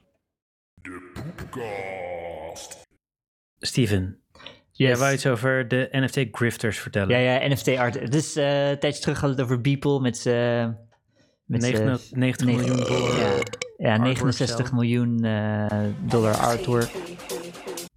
ja. Eh, wat door een echt veilinghuis was, eh, was gedaan. En toen dachten andere veilinghuizen, die dachten ook, oh fuck, hier zit fucking veel geld in en SIP. Dus die zijn ook mee gaan doen. En ik heb wat andere, wat andere fucking bullshit die mensen hebben geflikt, waar, gewoon, waar ze op steen veel geld mee hebben verdiend, heb ik even verzameld. Een paar kleine voorbeeldjes. Mhm. Dus een van de kritieken op eh, NFT's is dat ze zo fucking veel energie kosten. Eh, om te, weet je, eigenlijk kritiek op de hele crypto, eh, dat het proof Omdat of ze op de. Ether blockchain zitten. Ja, omdat ze op de Ether blockchain Ah, zitten en het is gewoon, eh, Maar die wordt proof of stake. Ja, Ook weer ja, dat zeggen ze. We gaan het zien. Ze zeggen, we gaan het zien. Ja, dat zeggen ze al, al jaren, zegt Ether, dat ze echt eh, er bijna zijn. Maar nu zeggen ze echt dat ze er echt bijna zijn. Maar er is één dude, Mad Dog Jones, die heeft de Replicator gebouwd. En dat is een soort van eh, milieuramp in een, eh, eh, in een NFT verwerkt. Het, het begint met één kunstwerk en dat kunstwerk verspreidt zich weer. Dus dat verdubbelt. en dan die twee kunstwerken verdubbelen zich ook weer. En Corona. Ja, precies, een soort van virus. En dan heb je in elke generatie kan er iets misgaan. Dan krijg je misschien een jam. En de jams zijn dan extra veel waard. En het is zo opgebouwd dat degene die de oorspronkelijke koopt, die krijgt dan ook de rechten tot alle eh, andere Oh, alle generaties. clones. Ja. Ehm, dus het is gewoon een fucking Ja. virus wat zich willen gewoon dat inhaakt. je zeg maar Pokémon kaartjes gaat sparen met af en toe een Ja. shiny... eh, Ja, ja, Ja, je hebt precies. CryptoKitties werkt toch ook zo? eh, ja, precies, spel? precies. En een soort artificiële zeldzaamheid. Eh, deze, dus deze is voor 1,6 miljoen is die verkocht. Zo. Eh, maar En ze hebben wel een rem ingebouwd. Na zeven generaties kapt die. Oh. Eh, want anders wordt het gewoon te, weet je, anders neemt hij de hele known universe neemt hij dan over. Want dat is gewoon, gaat snel. Smith, Zeven- Matrix. ja, precies, zeven verdubbelingen is echt wel genoeg, eh, eh, Ja. genoeg bullshit. Dan is er Pak, een eh, onbekende conceptuele Wacht even, kunstenaar. Nee, Steven, wacht even. Want die zeven Ja? verdubbelingen, dat is, wacht even, dat is dus twee tot, eh, Tot de zevende. tot de zevende. Inderdaad. Dus je hebt ook, eh, ja, het is een, eh, 20 of zo. of wat is 128, het? 128. Eh, maar wacht even, dus hoe. Nee, hij zit, Maar, je want komt op de, op de 220 ongeveer, hebben ze uitgerekend. Want elke generatie kan ook een, ehm, een jam krijgen en dan stopt de... stopt Oh ja, vertakking, stop dan. Ja, dus Er, zit een soort, er zit een soort spelletje in van dat je niet precies weet wat je koopt. Maar waarom... eh, ik bedoel, het kan toch gewoon lekker door blijven gaan, maar wat, dan moet, dan moet de eigenaar steeds eh, gas fees blijven betalen of zo, of wat? Ik weet niet of, ze hebben het, of het is gewoon bullshit en ze hebben niks geprogrammeerd en ze gaan gewoon... eh, ik weet niet, het is niet helemaal duidelijk hoe het, hoe het in zijn werk treedt. Nou ja, als hij Volgens is het dupliceren, dan moet hij waarschijnlijk, dan moet iets moet die trigger gaan geven. Ja, ik denk dat dat gewoon een, ja. ik denk dat dat een mens is die gewoon op eh, eh, een nieuwe NFT mint. En dan aan die persoon geeft, denk ik, stiekem. Ik Ik, denk- denk dat ze niks geprogrammeerd hebben, want dat zou veel te veel werk zijn als je het gewoon ook met de hand kan doen. Nou, dit klinkt mij als iets met, wat met de smart contract eh, gedaan is. Van hey, we gaan Ja. door zeven generaties. En we geven net zoveel gas dat hij maar zeven keer kan gaan. Dus Ja, dat gewoon een cheapskate actie. Ja, Ja, precies. in ieder geval, hij heeft eh, 1,6 miljoen ermee verdiend. Hij is nu Canada's eh, best betaalde levende kunstenaar geworden. Steven, wanneer ga jij NFT? eh, Ik heb wel een NFT gemaakt, maar Oh, je ja, hebt nul interesse, jongen. Het is net alsof Oh. je, je moet eh, bekend zijn Van voordat de je podcastrol. Ja, de Oh, ja. podcastrol. Dus je moet, het eh, wonder boven wonder, moet je bekend zijn voordat je er geld mee kan verdienen. Nou, Ja. of je moet zo'n... eh, Gek, je, hebt, Ja. je hebt wel in Nederland zo'n grote crypto-exchange. Misschien kun je met hun een dealtje sluiten. En wat ja, of anders kan je... Steven, anders kan Als je, als je hun gewoon belt van... eh want jij maakt wel vette dingen. Ja. Eh, en dat zij ook wel een NFT willen aanbieden, maar ze kennen geen kunstenaars. Ja, oké. Ja, er zijn genoeg kunstenaars. De, ja, misschien als Matthijs in de Tweede Kamer was gekomen, dan eh, was hij misschien wat waard geworden. Maar Dat was Helaas. dankzij ons geweest natuurlijk. ja, precies. Dan was, die, dan was het de special edition eh, NFT geworden. Maar nee. Steven, je kan ook nog uh, Cumrocket eh, NFT's maken. Misschien is daar meer interesse Ik zat te kijken eh. op eh Cumrocket, maar ik zag geen, of misschien mijn mijn browser crashed of zo, maar ik zag geen NFT's daar. Jawel. ik zag ze niet. Of ze zijn er wel? Oké. Die zijn er wel. Eh, ze hebben gewoon zo'n zoekbalkje aan de... Ik had de link van de NFT-site ook nog doorgepost zelf. eh. Ja, de Cumrocket NFT. eh, Ja, en dan kan je van porno stellen. Ik zat te denken van, hé, wanneer, wanneer komt Siswet eh erop? Want dan gaat Ja, Cumrocket je echt foto's van je kut als NFT verkopen. Ja, of gewoon, volgens mij zijn het ook filmpjes. Verkopen ze ook filmpjes als Ja. NFT. Dus, De eh, ultieme revenge porn. Je ex-vriendin eh, NFT kut minten. Dat had toch ook al iemand gemaakt? De fuck Ja, you Sarah coin. coin. Ja, revenge coin inderdaad. Fucking bullshit. In ieder geval, de volgende kunstenaar die ik wilde bespreken was Pak. Hij is conceptual artist. Hij heeft, eh, hij heeft ook een heleboel bullshit gemaakt. eh, met dat je kubusjes kon bestellen. Wat is dan- conceptual artist? Daar, daar begin je, begint het al. eh. Ja, dus het, is meer, het gaat meer om het concept dan om de uitwerking. Dus bij de veiling kon je kubusjes kopen. Elk kubus koopt, eh, kost eh 500 dollar. En je kan dan tot 20 kubusje in je, in je kunstwerk kopen. En dan wordt die gerenderd en dan koop je 20 gerenderde kubusjes. En daar heeft hij 10 miljoen mee verdiend. En hij heeft ook een heel bijzonder kunstwerk. Is één grijze pixel. Mhm. Het heet ook de pixel. Het is letterlijk één bij één. Eh, en die is geveld omdat de, de, die ging zo in de imagination van eh, een andere miljonair spelen. Die heeft hem voor 1,4 miljoen heeft die, eh, de pixel gekocht. Zo. Jezus. Maar dat zijn ook crypto-miljonairs, neem ik aan. Als ze hun Ja. geld als ook een Ja. retard Ja. shit uit. Met hele slechte smaak, ja. Ja. En ik weet niet, ze moeten iets verdoezelen of ze moeten iets... Ik weet niet wat het allemaal is. Hoe dit... Het is gewoon fucking eh, dystopische bullshit. Nou, Maar je hebt ook van die, je hebt ook van die schilderijen dat gewoon een oranje vlak is. En dat Ja. is dan ook 30 Ja, precies. miljoen. Dit is gewoon hetzelfde. Nee, want het is ook... Het is best wel... niet. Want er Ja. zitten, er zitten in die veiling zitten allemaal incentives om zoveel mogelijk kubusjes te kopen. En voor de 100 mensen de, die de meeste kubusjes kopen, die krijgen dan weer een collector's edition. Ah ja. En het, Ja. het is allemaal Pokémon bullshit. eh, ja, gewoon extreem die, die- eh, hoarding eh, dingen stimuleren. Ja, eh. ja, gewoon inspelen op je, op je emotie. En, maar ja, het is op zich is het best wel nice, weet je. Zeg maar, uit een marketing standpunt kan ik het best wel waarderen. Maar het is gewoon fucking dystopisch. Want die gast heeft Hoezo nu ook... dystopisch? Nou ja, wat hij nu heeft geflikt is de Burn Art eh Ashcoin. Dus eh, je kan je NFT's inleveren, dan kan je ze burnen. Ja. En dat is de enige manier om een bepaalde cryptomunt te kopen. Ah. Dus je wordt gestimuleerd om je kunst te vernietigen. Nee, je NFT te vernietigen. Ho, ho. Maar hoe moet je een NFT vernietigen? Ja, het is gewoon een optie. Je kan in in een contract... Ja, je hebt een burn knop. Je hebt een, eh, Ja. Dan kan niemand er meer bij, als het ware. Dan is Ja, er dan niemand. wordt hij ergens heen gezet waarvan Nee. de- key weet of zo. Nee, als jij vaak, als jij, dat is in ieder geval bij, eh, ik weet dat het zo is bij eh, coins in ieder geval. Hè, als je op Ethereum kun je bijvoorbeeld eh, je eigen coin maken. Ja. En, dat, en dat heeft een, eh, een adres van waar die coin wordt gemint, gedistribueerd. Maar als jij dan terug naar, het, naar dat adres je coins stuurt, dan burn je, burn je de coins. Naar, de, Ah. naar, naar het adres die hem gemint heeft. En dat zal bij NFT's eh, ook wel zo werken. Maar in ieder geval, en dus Pak die wil eh, nog meer kubetjes gaan aanbieden en unieke kunstwerken. En hij wil dat de enige manier om het te kunnen kopen is als je andermans kunst vernietigt. Cool. Het is gewoon fucking nazi bullshit boekverbranding. eh. Gast, je verbrandt de NFT. Tuin jij nou in het idee dat een NFT echte, ku- echte kunst Ik vind wel dat het kunstwerk waarde zelf ja, is? Dus het heeft waarde. Het is wel, ik vind het. eh, Het heeft financiële nasty. waarde, maar het, is, Het het, is heeft nasty. evenveel waarde als een CD, als het ware, De- van die je koopt. Ja, het Maar dat is niet- betekent niet dat je ja, als of een als liedje een- weg. Nee. Of als een boek, ja, weet je. Of een boek wat je verbrandt Ja. op de brandstapel. Want ik bedoel, Ja. de originele versie is er nog. Maar goed, dus. Nou, en dat, eh, dat loopt ook best wel lekker voor hem. Ik vind, het, ik vind het wel heel artsy-fartsy. Wat dat betreft, respect Ja. voor deze dude. Met Ja, zijn ik vind het wel leuk verzonnen. Ja, Hij verzint allemaal van die dingen die echt Ja. heel edgy zijn. Ja. ja, als hij de cash Hij, is ook, verdient, eh, hij heeft ook naar Elon Musk getweet, hè? Van, eh, hey, Ja, mag, ik je, mag ik je raket beschilderen? Ja. En Elon Musk heeft ja gezegd. Mag ik je Oh? raket beschilderen? Ja. Mag je Cumrocket beschilderen? Mag, ik- mag ik je raket beschilderen? Ik beloof dat ik hem echt super vet maak. En Ja. toen zei Elon, eh, ja, is goed. Oh, you cool. may. Ik weet niet, gaat hij allemaal stomme kubusjes erop eh spraypainten of zo? Hey, maar Steven, ik weet niet of je expres het bruggetje maakt naar Elon Ja, Musk. inderdaad. Ik kan zeggen, het is echt Want- perfect. Elon Musk, Rolf. Jij wou een half uurlijkse pijpsessie houden Sexy. over hoe geweldig die is.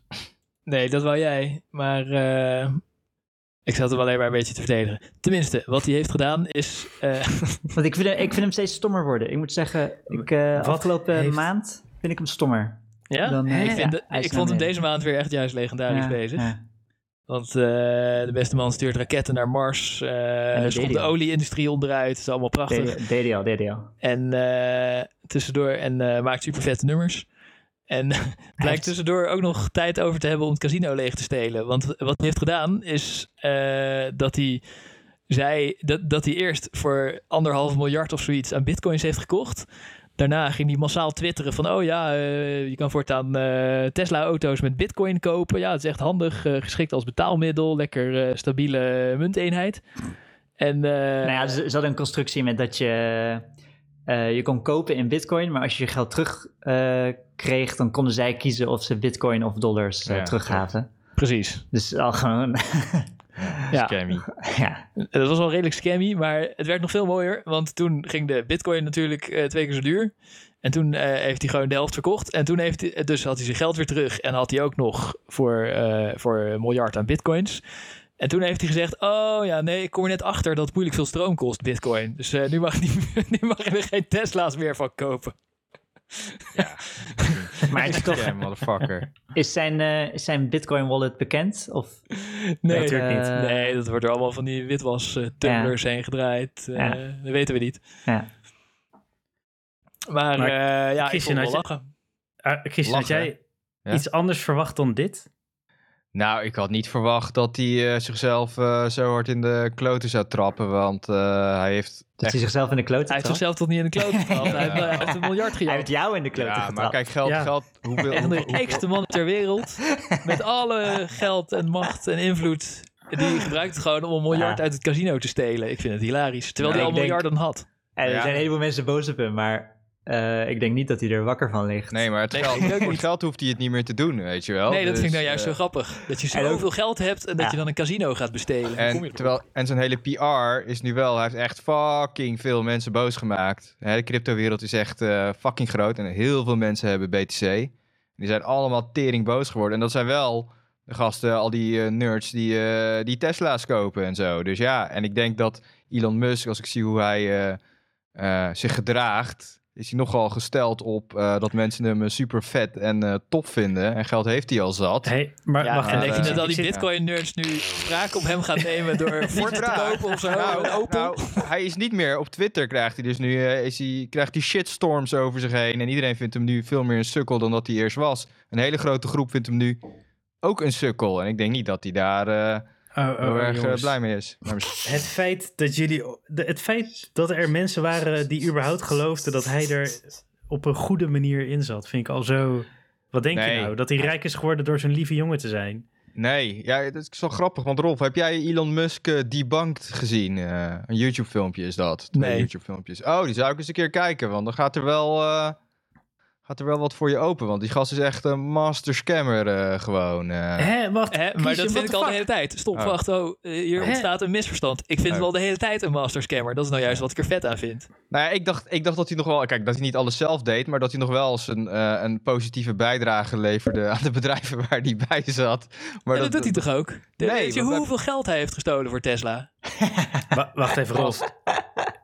Jij, ben- jij, bent, jij, jij hebt echt wel een ander standpunt ingenomen in eerdere podcast. Ja, dat klopt. Nee, toen zei ik dat hij echt naar Mars wou. En dat vind ik ook nog steeds. Nee, ook niet dat hij. Toen Hmm. zei ik dat hij een master scammer bullshitter was. En dan was jij, nee, hij is echt grensverleggende superheld. Hij is een super Ja, ja, nee. die... eh, Ja, inderdaad. Ja. Dat denk ik nog steeds. Maar wat ik zo legendarisch vind, is dat hij naast, eh, naast dat hij auto's en raketten bouwt en zo, dat hij ook nog een van de eh, super evil genius meesterdief blijkt te zijn, die, die een miljard uit het casino steelt. Het is een Oh, jij soort ziet dat- sprookje wat je niet kan verzinnen. Jij ziet dat als parallel, want hij is dus alleen maar een dief. Maar ja, eh, aan Tesla heeft hij zeg maar Ja, helemaal die, niks gedaan. die, die, die crypto shit heeft hij gewoon eh, heeft hij moeilijk veel geld gestolen. Maar dat vind ik wel humor, want het is toch van, eh, toch van mensen die zelf eh, ook alleen maar, eh, zeg maar zaten te gokken. En eh, ik vind iedereen die, eh Gast, dat heeft. Ja, die gasten vroegen erom die daar hun geld in hadden zitten. Dus als je naar het casino gaat, dan mag je bestolen worden of zo, of wat? Eh, een casino is een spel waar wij allemaal Ja. mensen proberen om elkaar te bestelen. En hij heeft het als Nee. allerbeste gespeeld. Nee, helemaal niet. Dat is, eh, dat is helemaal niet wat een eh, casino is. Het is in ieder geval niet eh, bestelen, het is winnen, toch? Ja, Nee, hij heeft het gewonnen. is- nee, het is bestelen. Het ja, is- door vals te spelen. Hoe zou Nee, wat- nee, wat hij heeft heeft het niet heeft gespeeld. niet vals Dat mag hij is gewoon. ma- hij ma- het is marktmanipulatie eigenlijk wat hij doet. En er zijn nu geen regels voor. Maar eigenlijk Ja. wat hij gedaan heeft is gewoon marktmanipulatie. Maar wie moet die regels Op maken op de dan? aandelen- Ja, nou we ja, dus. als er geen regels voor zijn, heeft hij Dat toch is niet toch het hele, gedaan. het hele idee van crypto is toch dat er geen regels zijn en dat, eh Precies. niet... Ja, door- regels voor de juist het grote crypto zelf. Maar hij is naar het de- Wilde Westen gegaan en Ja. hij kon het allersnelste zijn pistool trekken van alle Ja. cowboys. En nu liggen die anderen op de grond. Ja, en die zijn allemaal aan het huilen. Ja. Ja, en al die anderen liggen. Maar eh, ja, Moet- dan moeten ze Nou. niet naar het Wilde Westen gaan als ze niet willen dat dit soort dingen gebeurt. Nou ja, weet je, eh marktmanipulatie. Ik vind het gewoon eh, markt. Het is niet het Wilde Westen. Het crypto, het systeem crypto is het Wilde Westen. Maar hij is gewoon nog een inwoner van Amerika. En als jij op zo'n manier met, eh, ja, met waardeproducten speelt, vind ik dat gewoon eh, marktmanipulatie. Ja, als het illegaal is, moet de OM er maar achteraan gaan. Maar volgens mij is het helemaal niet illegaal. Nee, maar dat zou dus wel Nee, aan moeten zijn, naar mijn mening. Want eh dit Maar is denk je gewoon, niet- eh, scam. Christian, denk je Wat? niet dat als er die regels zouden komen... Want Ja. eigenlijk, zeg maar, crypto is natuurlijk niks. En de enige reden dat het populair is, is dat er geen regels zijn. Nou ja, de regels zijn bepaald door het systeem waar je dan in zit. Ja, Zijn de reden dat het betaald. populair is dat zo wijze high stakes gambling is, waarbij je superveel geld kan verdienen en kwijtraken. Ja. En dat is exact wat En- hij heeft gedaan. en Hij is er gewoon eh, in. mag allemaal. Ja. Ja, maar dat is dus, ik vind dat het dat pump en dump, eh, of het nou met crypto is of met aandelen of wat, of met huizen, whatever the fuck, eh, of met normaal geld, dat, dat, dat hoort gewoon eh, illegaal te zijn. Maar hoe, Dat hoe is ook pak, verboden. Hoe, hoe pak je dat aan dan? Nou ja, gewoon te zeggen van, eh, als wij zeggen, dit marktmanipulatie, hoe pakt de SEC dat nu dan aan met aandelen? Hè? Want eh, Elon Musk is al gepakt voor eh, marktmanipulatie, omdat hij zei dat eh, mensen voor Tesla, dat er private Ja. investors waren, die het wouden kopen voor eh 420 dollar per aandeel, toen het vi- 400 dollar per aandeel was. Dus toen ging de Tesla-prijs aandeel stijgen, maar die mensen die bleken er helemaal nooit te zijn.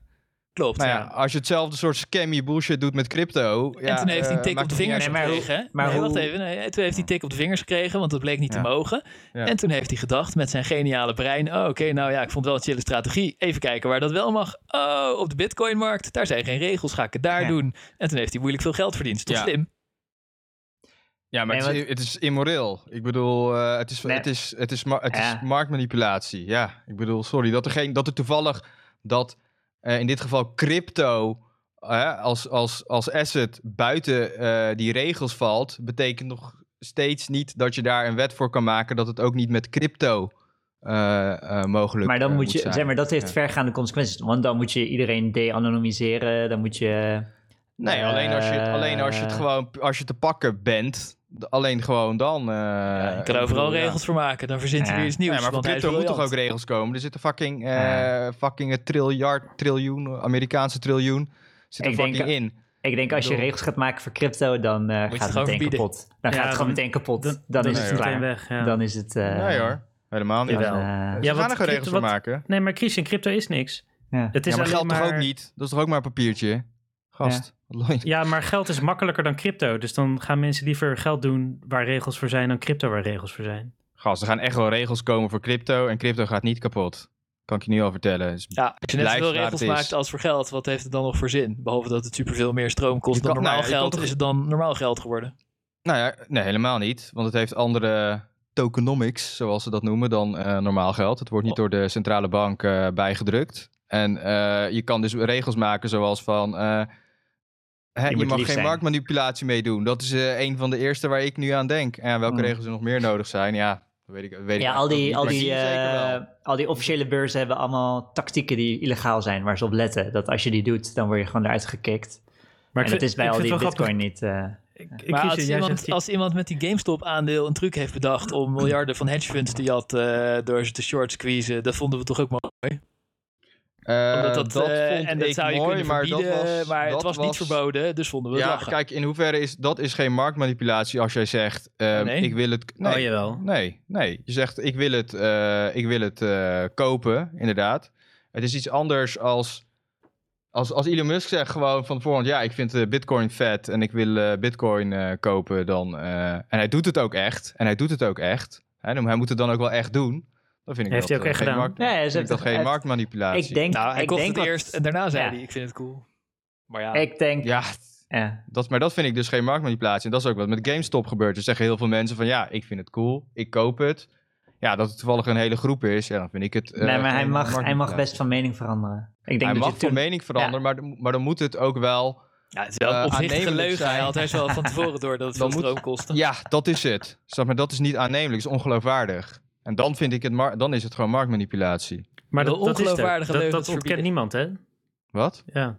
Dat, Het is mar- manipulatie, niet dat het- pure.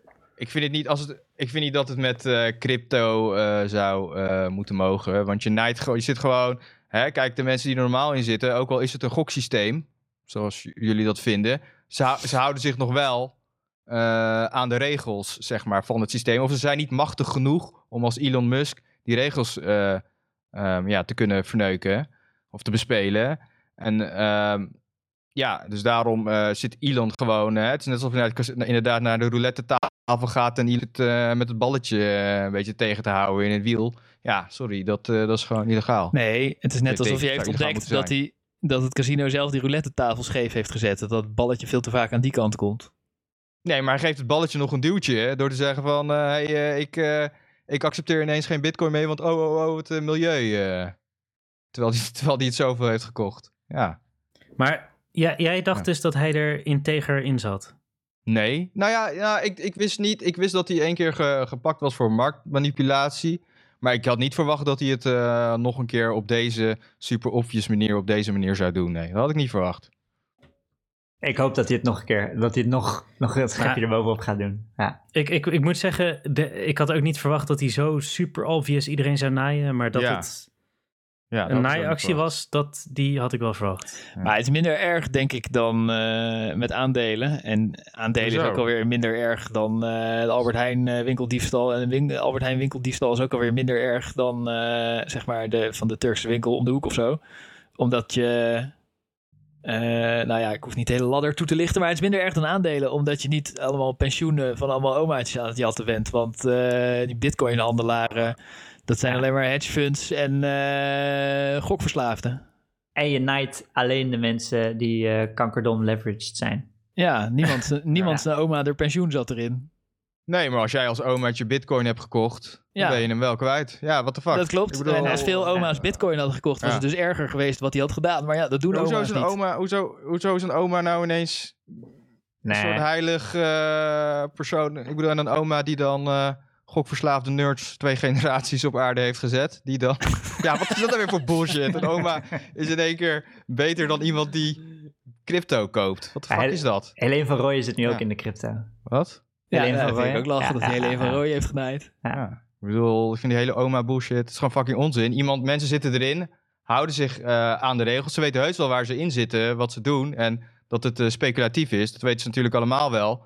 Maar iemand die er dan hè, op zo'n manier eh, de boel zit te besturen en te besodemieteren eigenlijk. Ja, dat, dat, eh, dat is gewoon niet goed. Nou, ik zou geen Of Tesla het nu kopen. crypto is, of het nu huizenmarkt is, of het nu whatever the fuck voor waarde goed is. Het maakt mij niet uit. Het zou, het zou gewoon eh, strafbaar moeten zijn. Maar ja, Christian, ik ben het eigenlijk helemaal met je eens wat je nu zegt. Ja. Helemaal. Ehm, maar dat is juist mijn hele moeite met de cryptomarkt. Ja? Want alle crypto-evangelisten doen alsof deze problemen niet bestaan in crypto. Die doen alsof crypto de verlossing is van al die onzin van rijke mensen die arme mensen Hoezo? naaien. Gast. Dat heb je dan niet meer. Ja, maar dat- Want dat- je kan gewoon zelf harde schijf kopen. Dat, En dat is niet wat eh, ik denk. Dat is niet, absoluut niet wat ik denk. ik, Crypto is nee, super ik heb, niet, ik heb het niet over jou. Ik heb het over de evangelisten. Over de, de, de, Ja, als je Ik- daarmee wilt discussiëren, dan moet je die maar een keer uitnodigen. Ja. Ja, nee, ja, nee, ja, nee, ja, dat is al helemaal een retarded eh, standpunt. Tuurlijk is het super makkelijk om, eh, om te pumpen en dumpen. En dat gebeurt ook de hele tijd. En als je, maar als je die gasten moet kunnen pakken. Ik vind ook bijvoorbeeld al die YouTubers. Hier wil ik eigenlijk een speciaal los item een keer van maken. Maar je hebt dus eh, van die YouTubers. Die, doen dan, die zitten allemaal coins te bespreken. En worden in één keer super bekend. En dan gaan ze dus gewoon van die small cap coins. Gaan ze, oh ja, dit is een potentiële 100.000 X-coin. ja, En dan gaat die, hebben ze 2000 views. Ja, die gaan al die YouTubers dus eh, massaal kopen. En dan hebben ze dus ook nog Patreons. Waar je dus eh 100 eh, euro per maand voor betaalt. En dan geeft hij dus van tevoren, zegt hij van... hey, ik ga nu... Dat doet hij dan één keer per maand of zo. Van, eh, geeft hij al van tevoren de tip van... hey, ik ga nu deze coin een beetje pumpen, eigenlijk. ja. En dan, eh, ja, dat is gewoon keiharde pump en dump. En ik vind ook, ja, dat, dat moet gewoon fucking illegaal zijn, weet je wel. Dat moet gewoon niet kunnen. En niet, oh, oh, het is crypto, het is gokmachine, dus laat ze maar lekker. Nee, dat is gewoon zwaar illegaal gedrag. Dat moet, ik vind dat daarvoor echt wel regels mogen komen. En ook heel veel mensen die allerlei shitcoins maken en dan ehm, ja, rugpools doen bijvoorbeeld. Ja, als ze je kunnen pakken, sorry, en je doet dat, ja, dan moet je gewoon de bak in wat mij betreft hoor. En als je ook als je fucking twee- 200 miljoen stilt met een hack, nou moet ik zeggen, daar vind ik het dan wel iets lastiger, omdat je dan wel echt gebruik maakt van de regels eh, van het systeem. Maar als je psychologisch in ieder geval manipuleert, dan, eh, dan sowieso. Ja, Maar- ik heb juist het idee dat eh, psychologische manipulatie meer een onderdeel van het spel is dan dat je 200 miljoen hackt. Ja, ik begrijp eigenlijk niet hoe, die, hoe dat technisch werkt, die 200 miljoen Ja, dat is- hack. die Maar is vrij, die is vrij, die is vrij eh, lastig. Maar het werkt met een, eh, het werkt met een flash loan. Je hebt dus eh, eh, het systeem dat je bij, bij sommige van die de, crypto... de aandelenmarkt en de beurzen en zo is toch allemaal, en ook dus de crypto is toch allemaal dat iedereen elkaar psychologisch zit te manipuleren van oh ja, dit is de shit. Ja, maar kijk, je hebt natuurlijk gradaties, hè? Ik ja, bedoel, klopt. Maar dat is dus moeilijker om te zeggen van, Ja, oh nou, kijk- hier ligt de grens. Gast, bij iemand die een YouTube-kanaal heeft en een Patreon. En daar in de Patreon van tevoren tips loopt te geven van... hey, ik ga nu dit, eh, deze crypto eh, pumpen of positief bespreken. En het is gewoon Maar dat, dat is volgens mij bij aandelen legaal. Bijvoorbeeld. Ja, dat mag ook bij aandelen. Beleggingstips Oh. heet dat. Kan je ook kopen voor geld. Ja, ja, ja, be- ja, beleggingstips. Maar dat je dan van tevoren een groep hebt en dat je focust op eh, small cap. Ja, ik weet niet hoor. Het is gewoon ontzettend. eh, eh, ik vind dat het bij aandelen zou. Als je het op deze manier met eh, van die penny stocks zit te doen, mag je van mij ook opflikkeren. Ja, ja, dat is gewoon. dat- maar ja, gewoon obvious bullshit coins. Ja. het, het gebeurt Ja. ook met penny stocks. En Ja. eh, daar is het wel, eh, wel illegaal. Eh, Ja. Maar de pakkans Ja. is nul. Ja, maar dat maakt niet uit. Ik vind, ik vind eh, als je het gewoon al, eh, al in de wet zet, eh, dat er dan in ieder geval een, eh, een afschrikkende soort van werking is. En dan kan je hem in ieder geval altijd, als hij te extreem maakt, kan je hem in ieder geval nog eh, pakken, weet je wel. Ik lig er niet echt wakker van. Het ondermijnt het vertrouwen in een systeem waar toch al veel te veel vertrouwen in is. Dus eigenlijk wordt iets rechtgezet, zou je ook kunnen zeggen. Wat? Wat? Hoezo? Als je dit met aandelen doet, dat, dat, dat, dat, dat- dan wordt er ook iets rechtgezet of zo, of wat? Nee, ja, de aande- nee, ja. Vertrouwen in aandelen is terechter, want dan koop je zeg maar een stuk van een bedrijf wat ook eh, echte Ja, dingen maar dat aan kan met crypto ook, hè? Ik bedoel, niet alles is eh, scam of shitcoin. Dat kan met crypto ook, dat je gewoon een, eigenlijk een stukje hebt van een bedrijf. Crypto, Oh ja? zeg maar, ja, ja, ja, ja, ja, ja. Een gedeelte, eh, zeg maar, het maar idee- niet groot toch? Want bitcoin is niks. Nee, maar eh, Bitcoin is een niks. shitcoin. Bitcoin, snap ik. Van Bitcoin, als mensen zeggen Bitcoin is eigenlijk een Ponzi-scheme, dan zeg ik van ja, dat klopt. Maar Bitcoin is een proof of concept geweest. Maar je hebt nu komen allerlei crypto-systemen die, zeg maar, eh, gaan decentraliseren. Die een bedrijf kunnen decentraliseren. Maar normaal zou je dan een aandeel hebben van een bedrijf. En dan Ja. krijg je dus evident. Ehm nou, keer dat bedrijf uit pas nadat ze natuurlijk een hele boekhouding hebben gedaan, et cetera. En dan geven ze dividend. Maar bij crypto kan je dus zo regelen dat die automatisch dividend uitkeert. Hè? Dus stel je hebt een thuisbezorgd of zo en je, maakt, en je decentraliseert die met crypto. En je hebt dan een stukje van die thuisbezorgd. Kan je, kan je direct bijvoorbeeld fees krijgen. Dat soort modellen gaan nu allemaal bedrijf komen. heeft, heeft dat bijvoorbeeld al gedaan? Eh, nou, je ziet dat nu eh, spelen met, eh, met Dexys. Het is nu, dit is nu opkomend. Dit is nu pas opkomend dat dit Maar gaat gebeuren. Zeg maar, Christian, welk bedrijf zou dat willen? Want als je een Ja, bedrijf thuisbezorgd wilt het natuurlijk niet. Maar Nee, nee, maar, nee, maar geen bedrijf wil dat. Want je, stel dat je... Dat is gewoon marge inleveren wat jij beschrijft. Nee, maar dat Je- gaan disruptors gaan dit doen natuurlijk. Die gaan hun fucking crypto thuis bezorgen. Ze zijn een bedreiging voor alle platformen, voor Airbnb en eh et cetera. Om het allemaal te gaan decentraliseren. En natuurlijk Maar- wil Airbnb niet, fucking niet dat dit gebeurt. Maar het gaat wel gebeuren. Maar, de- dus, maar met, Ja. met aandelen voor een bedrijf in Nederland zijn er dan ook allemaal eisen aan dat bedrijf eh, Ja. die worden gesteld voordat je Ja. aandelen mag uitbrengen. Ja, en dat zou voor crypto ook moeten als je dit op eh, deze manier wilt doen. Je moet eh, in dit geval, hè, dan moet je dan crypto zien als een soort van eh, geavanceerde aandeel. Die gewoon direct kan uitbetalen. Bijvoorbeeld, of allemaal andere shit kan. Ook eh, dat je gewoon voting ermee kan doen. Hè? Dus governance en zo. Dat, Maar dan eh, gaat het om het als dit proces systeem- van... Ja, Ja, van Het en dan gaat het om het het bestaat proces... al, hè? eh, maar nu, nu bestaat het voornamelijk nog met, eh dus Met je hebt centralized exchanges, Ja. zoals Binance. Maar die Pancake Swap en eh, al die swaps, die zijn bijvoorbeeld decentralized. Dan kan je gedeelte van de trading fees krijgen wat daar getrade wordt. En dat, eh, ja, dat soort eh, modellen, die gaan meer komen. Voor alles wat een platform is, kan je binnenkort eh, crypto, vervangen door crypto eh, systeem, waar mensen zelf, die een gedeelte van die, van die crypto hebben, de fees eh, van pakken. Ja. En dan kan je aandelen Ridouan Taghi kopen. Ja, bijvoorbeeld als je uh, gewoon uh, uh, Sinaloa-kartel. maar goed, maar is die- als er een is nuttige die- variant komt, dan kan die zelf eh, een reputatie opbouwen en mensen hun vertrouwen winnen. Maar dan Maar is dat het toch niet erg dat iemand het vertrouwen in de huidige shit eh, eh, ondermijnt, die toch die ook geen enkel vertrouwen verdient. Ja, maar gast, het is hetzelfde als je bij de casino gokt. Hè? Als, je, als je gokt, prima. Maar dan, dan nog wel um, ga je erin dat jij gokt met de regels die er nu zijn. En niet dat inderdaad iemand daarna je, je nog... Uh, ja, de, wat ik al zei, van die roulette tafel het balletje een beetje gaat uh, verder zitten duwen. Ja, dat is gewoon... Uh, dat is maar dat heeft hij niet gedaan, toch? Jawel, hij is toch gaan manipuleren. Hè? Als jij de echte roulette tafel gaat manipuleren, dat, dat is natuurlijk illegaal.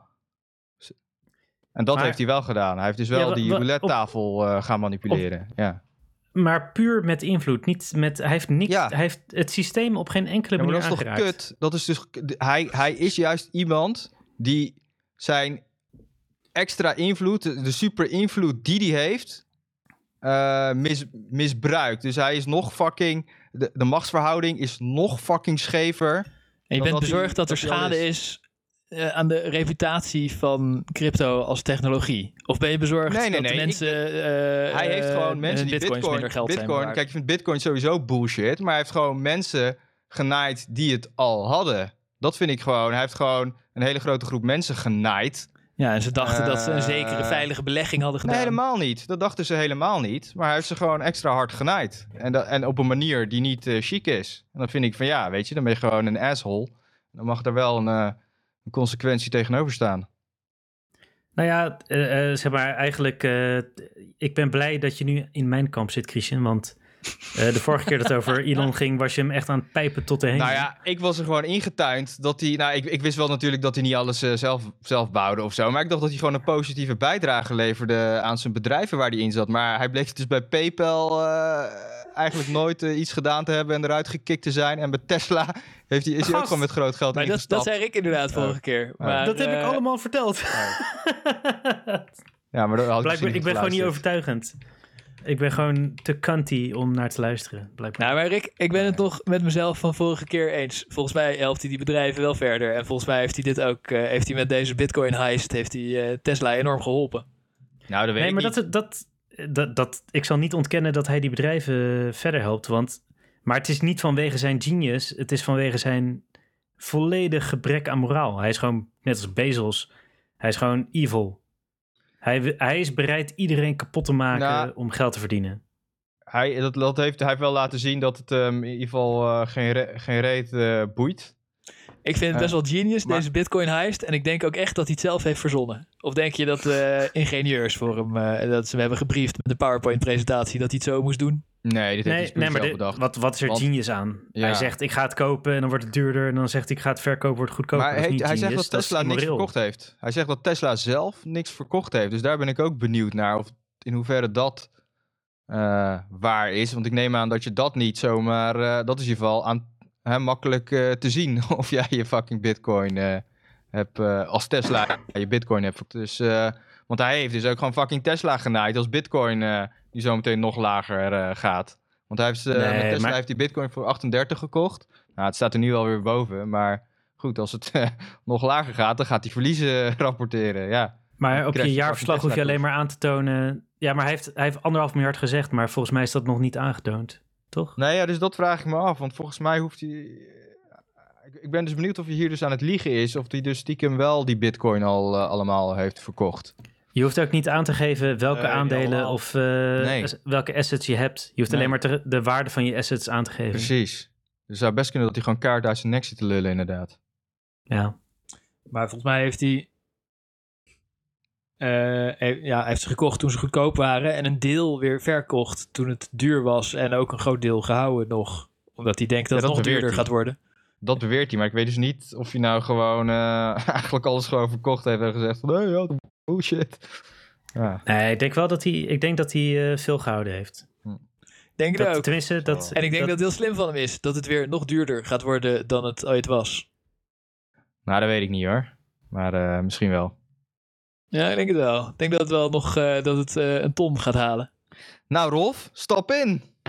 Ja, eh, nee. ik haat geld. Ik wil geen geld. Maar je hebt wel een chia farm. Ja, klopt. Dat is een eerlijk eh boerderijtje.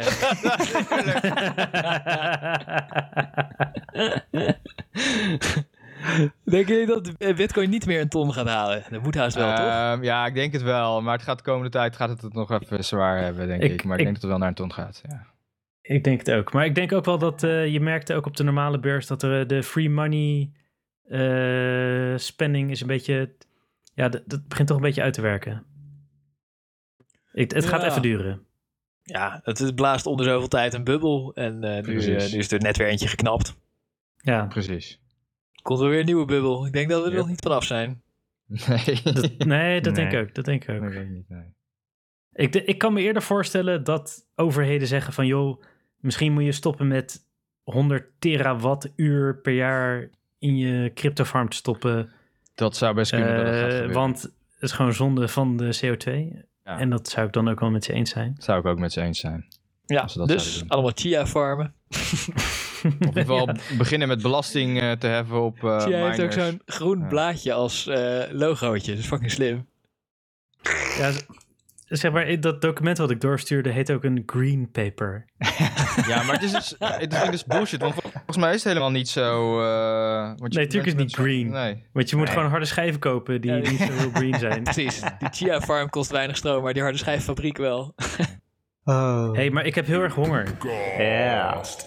Dus ik wil even over Rotti praten. Oh ja. Rotti nummer 63. Ja, dus ik was laatst bij mijn, bij mijn oom en tante. Ja. En eh, die zijn heel kritisch op hun rottiboer. Dus die, die wonen bij mij om de hoek. En eh, eh, in Bezuidenhout. En ze hebben hier de, de rotti in de buurt en die is allemaal afgekeurd. En op een of andere manier zijn ze bij eh, een rotti-tent in Laak terechtgekomen. Ze zijn er Oh nooit, waren er nooit geweest. En eh, dat is Raj Rotti Shop. Oh ja, ja die ken En ik. eh, Op de een of andere manier is gewoon omdat het heel laag vol Hindoestanen zit. En we houdt niet. ja, probably, probably. Ik weet niet. Maar dus, eh, en ze zaten zo, oh ja, we, eh, thuisbezorgd, maar dan gaat er weer geld naar thuisbezorgd. Dus ze zijn gewoon dat, die Rotti-winkel gaan bellen. En eh, toen zijn ze zo vaak met die Rotti-winkel gaan bellen, dat ze nu, eh, dat ze bekend staan als nummer 63. dat is een huisnummer. Dus dan, eh, eh, hij en belt hij op, hey, met, eh, met nummer 63. En, maar het is ook heel bizar, want het duurt, het is volgens mij 20 minuten rijden om van, van de Raj Rotti Shop naar, naar hun huis te komen. Maar hoeveel dagen in de week eten ze rotti? Ik weet niet, maar dus, dus wij waren er laatst toen nog lockdown was. En eh, eh, toen ook besteld. was fucking nice rotti hoor. Was wel, was wel lekker. Was, Maar eh, serieus, Rotti is toch gewoon Ja, een van de lekkerste dingen die er is. Het is echt ik heel vind lekker. het echt ja, ja. extreem En lekker. Deze rotti heeft van die... eh, Uh, hier zo. in, de, in de pannenkoek van de rotti, die staat dan uit... Die heeft twee laagjes en dan daartussen zit zo'n zo'n poedertje. Dat vind ik altijd wel nice. Dat je Ja, zo... Kikkererwten. Ja, kikkererwtenpoeder. Kikker- Echt, eh de hele rotti die verscheurt dan wel. En het wordt één soort, ah, een soort eh massa. Het was echt fucking nice. Ik had het super chille Hey, Doe je die, bakkeljauw. die korrels dan in je, in je Rotti gooien? Of eh, even in je, de rest, zeg maar, de aardappelen en de saus. Ja, ja, die korrels beetje- zijn lekker. Die korrels zijn genius. Die, Ja. Ik weet niet, ze, als ik zo die korrels los eet, dan denk ik, nou, ik proef niet zoveel. Maar ze zijn wel echt, ik weet niet. eh, Ja, wat? Het gaat om het middel, middelste laagje van de pannenkoek, toch? Ja, Nee, gewoon de ja. inhoud. Ja, de inhoud. Dus, dus die pannenkoek is eigenlijk twee En de pannenkoeken. pannenkoek is de rotti, hè? Ja, Ik weet dat ik hier tussen eh, white ass is... eh, Ja. Ja, dat, Oké. dat weten we Nee, ook, maar- in Nederland is het hele gerecht de rotti. Ja, precies. Maar, Oké, maar Christian, hoe heet de rest dan? Eh, gewoon groente en vlees. Oké, En aardappel.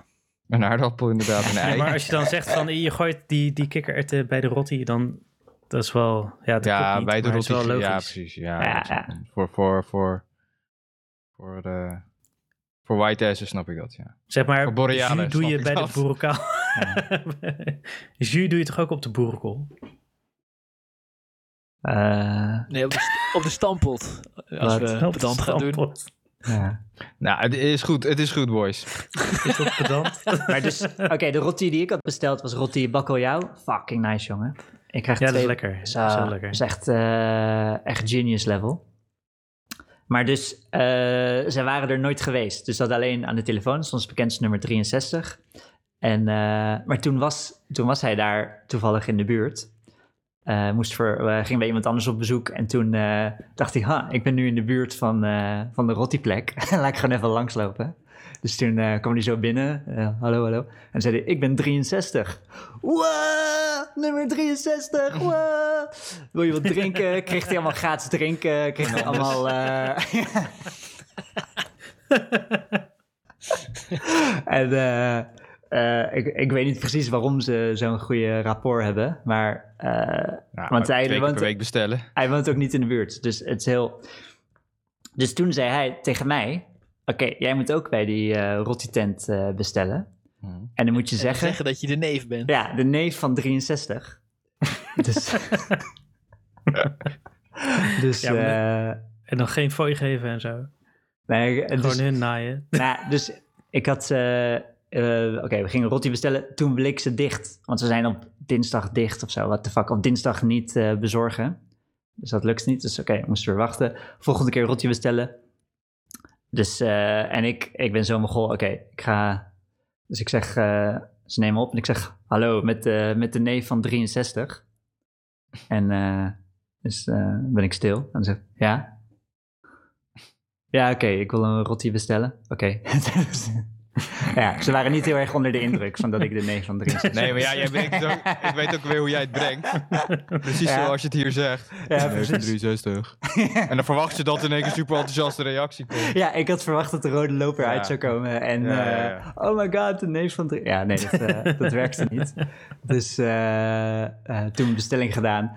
En toen vroeg ik, want jullie kennen mijn oom toch? Nummer 63? Ja, ja, ja. En toen wist hij gewoon meteen het, eh, het adres van mijn oom op te noemen. En Jij, deed gewoon... Hello, my name is Donald Jr.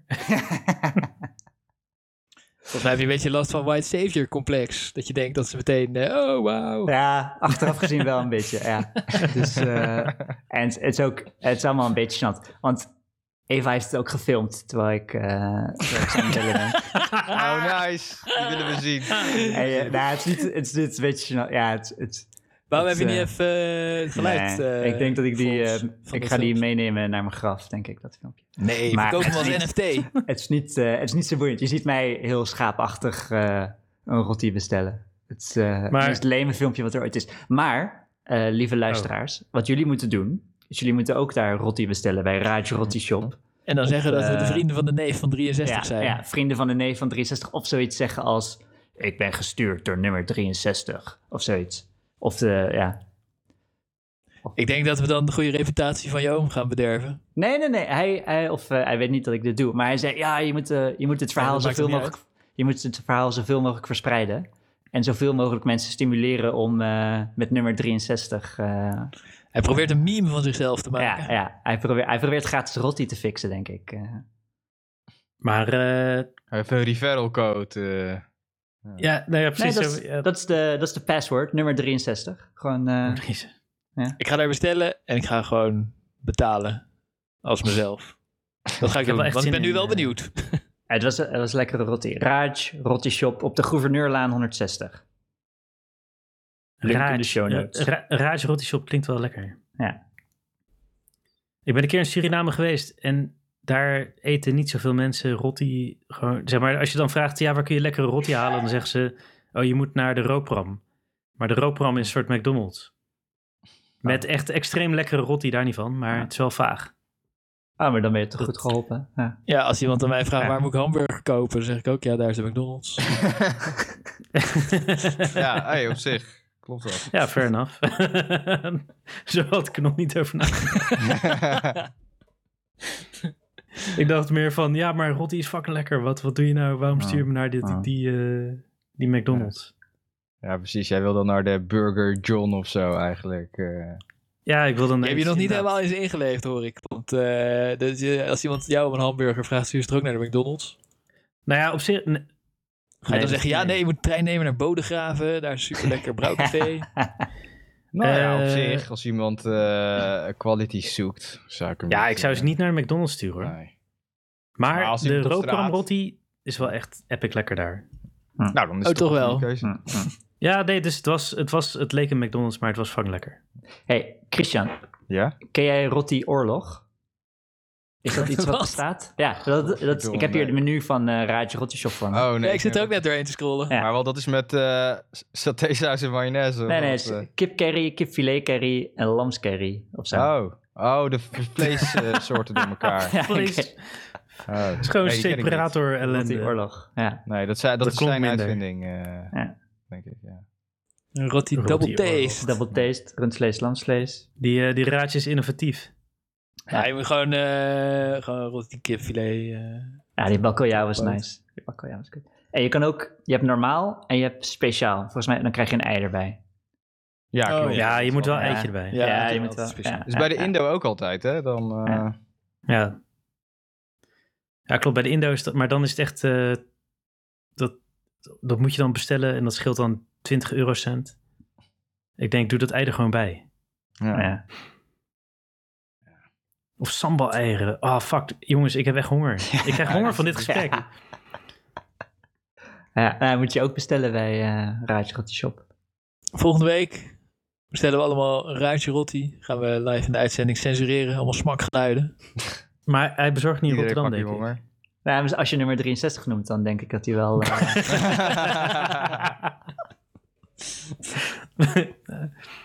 ik ga het proberen, Steven. Ja, ik, ik had er bij eentje in Utrecht eh, besteld.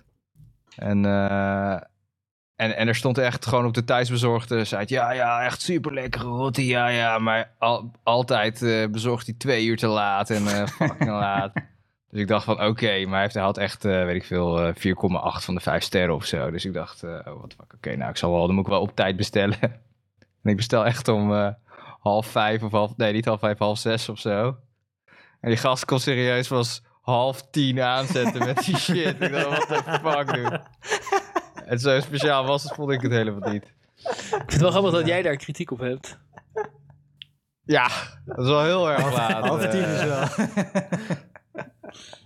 Ja, ik zou dan, maar dan word je ook een beetje. Ik had ook, eh, eh, want ik ging bij de lunch gingen we altijd eh Surinaams broodje halen. In- en ik woon daar vijf minuten vandaan of zo.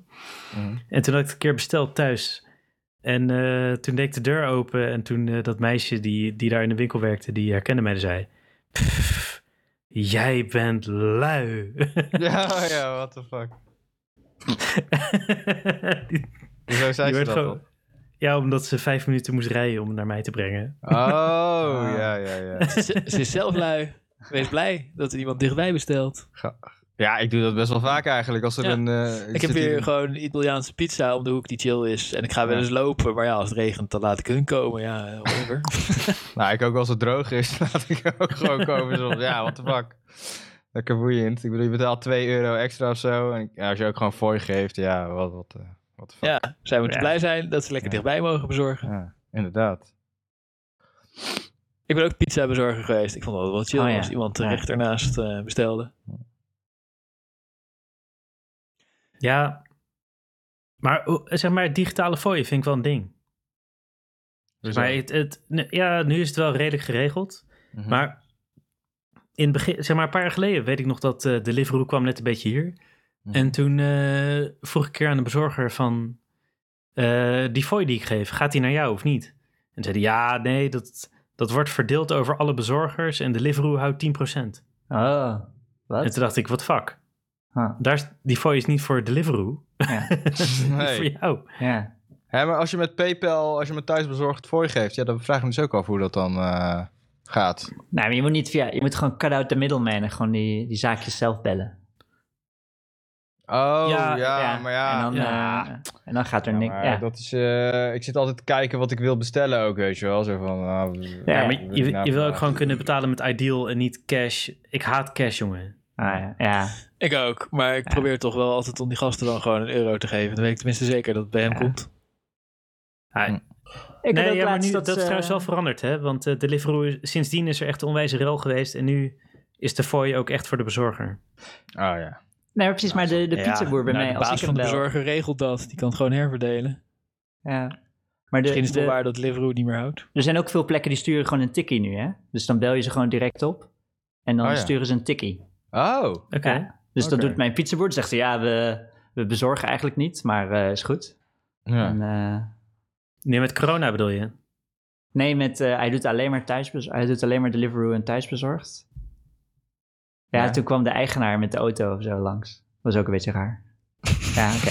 Maar, en die stuurde Toen natuurlijk zei gewoon dat je de neef van nummer 63 tikkie. Nee, was. dit is een andere, andere plek. Maar toen eh besloot ze, ja, je moet gewoon met ze praten. Niet via dat thuis, dat is allemaal nasty. ja, ik hoop dat ja, eh is te binnenkort veel weer moeite, gewoon... eh, Steven. Vind ik echt ergens veel te veel kunnen moeite. eten. Mm, mm, mm. Ja, Ik bedoel, eh, ze Ik ga gewoon lopen naar de pizza om de hoek, om de hoek en dan geef ik de fooi aan mezelf. dat is het allerbeste. Zo, toen ik eh pizza bezorger was, dat is eh 20 jaar geleden. Toen eh, had je nog niet via internet bestellen. Ik zat de telefoon aannemen en zo. En eh, dan kregen we echt, eh, ja, weet ik veel, het, het minimumloon van toen, denk ik. Of misschien nog Ja. minder, want er waren ook nog kinderen en zo. En eh, dus meer dan de helft van je inkomen was je fooien. En dan had je ook... Het was helemaal islamitisch correct gesegregeerd. Dus alle bezorgers waren jongens. En in de keuken werkten allemaal meisjes die die pizza's bakten. En die kregen datzelfde minimumloon als wij. En die kregen geen cent van die fooien. Die verdienden echt helemaal niets. Die meisjes die die pizza's aan het beleggen waren. Die kregen vier gulden per uur of zoiets. Ja, echt, ja. echt weinig, hè? Ja. Ja, dat was lachen. Het werk als 16-jarige is echt, ja. Was jij toen niet eh, de eerste keer door een ruit gereden, Ron? Ja, ja, klopt. Van de, van de biologische winkel of zo die Ja. ernaast zat. Iedereen lachen. ha, ha. Oké, nou, eh, hier is je pizza weer. Hier is een andere brommer. Gaan. er was echt niks aan de hand. Ik zei, oh, oké, moet ik iets regelen of zo? Nee, ik ga gewoon die pizza bezorgen. Wat lachen. En de pizza is nog warm. ja, precies. Nee, die was geschud. Hij hadden ze opnieuw gemaakt. Maar eh, ja, nee, dan daar waren crepbrommers. Het lag natuurlijk aan mij, want ik was gewoon vol door die ruit heen gereden. Maar het, maar het lag ook een beetje aan die brommer. want wij bezorgden in de Schilderswijk en daar werden die brommers telkens gejat. Dus wij kregen dan de afgedankte brommers van die andere eh, vestigingen waar, eh, die ze niet meer hoefden. Die gingen dan naar de Torenstraat. En ik had er één, zeiden ook, oh kut, hebben we die nieuwe brommer 12 gegeven. Oh kut, ja, nou ja, oké. Maar de brommer die ik had, die had dus dat als je gas gaf, met zo aan je stuur draaien, weet je wel, en dan draai je je stuur terug en dan bleef die kabel haken en dan bleef hij gewoon vol gas geven. en ja, als je een klein beetje luistert, dan hoor je dat heus wel. Dus dan moet je niet je remmen loslaten. Maar ik draaide zo mijn hand terug van gas dicht en liet mijn remmen los en ging zo op mijn achterwiel meteen zo door die ruit heen van de buren. Had een soort stint, had je. ja, ja, eigenlijk. Gewoon vol gas, echt ook op mijn achterwiel. Zo. Het is de enige keer dat ooit is gelukt om op mijn achterwiel te rijden. en ik zei zo, huh? Volgens mij eh, had ik gewoon gas teruggedraaid eh voor ik de remmen losliet. Zei ze, ja, ja, dat heeft die brommer. Ja, nou ja, oké. nou, hier, heb je andere brommer. Ga maar pizza bezorgen. ik dacht, ze worden boos of zo, maar dat viel allemaal reuze mee. Maar ze hadden me wel, hadden ze me daarna in de, je had zo'n computersysteem, zo'n MS-DOS ding eh, met eh, grote eh, pixel blokletters van wie de volgende rit en waar die heen moest. En ik heb in de computer heb ik echt twee maanden lang of zo heette ik dan Rinkel de Kinkel. En die andere gasten heten gewoon Abdul en Joey en weet ik veel wat.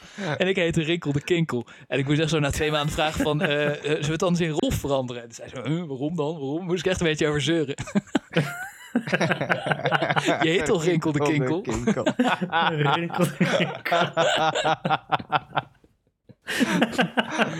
Ja, mooie tijden. Rinkel de Kinkel. Hey, Rinkel de Kinkel is een ritje voor je.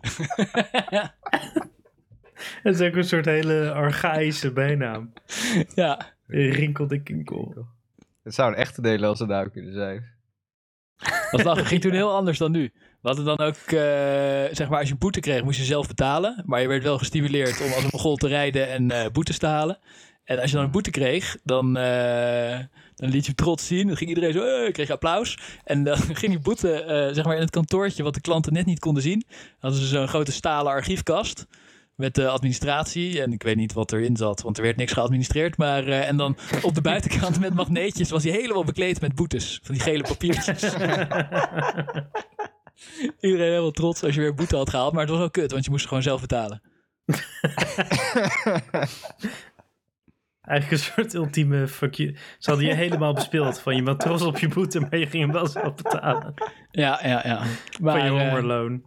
Ja, nou ja, kijk, eh, je kreeg zo weinig salaris. Gewoon meer dan de helft van je inkomen was fooien. Want iedereen gaf toen fooi, want iedereen betaalde contant. En eh, je kreeg fucking veel fooi.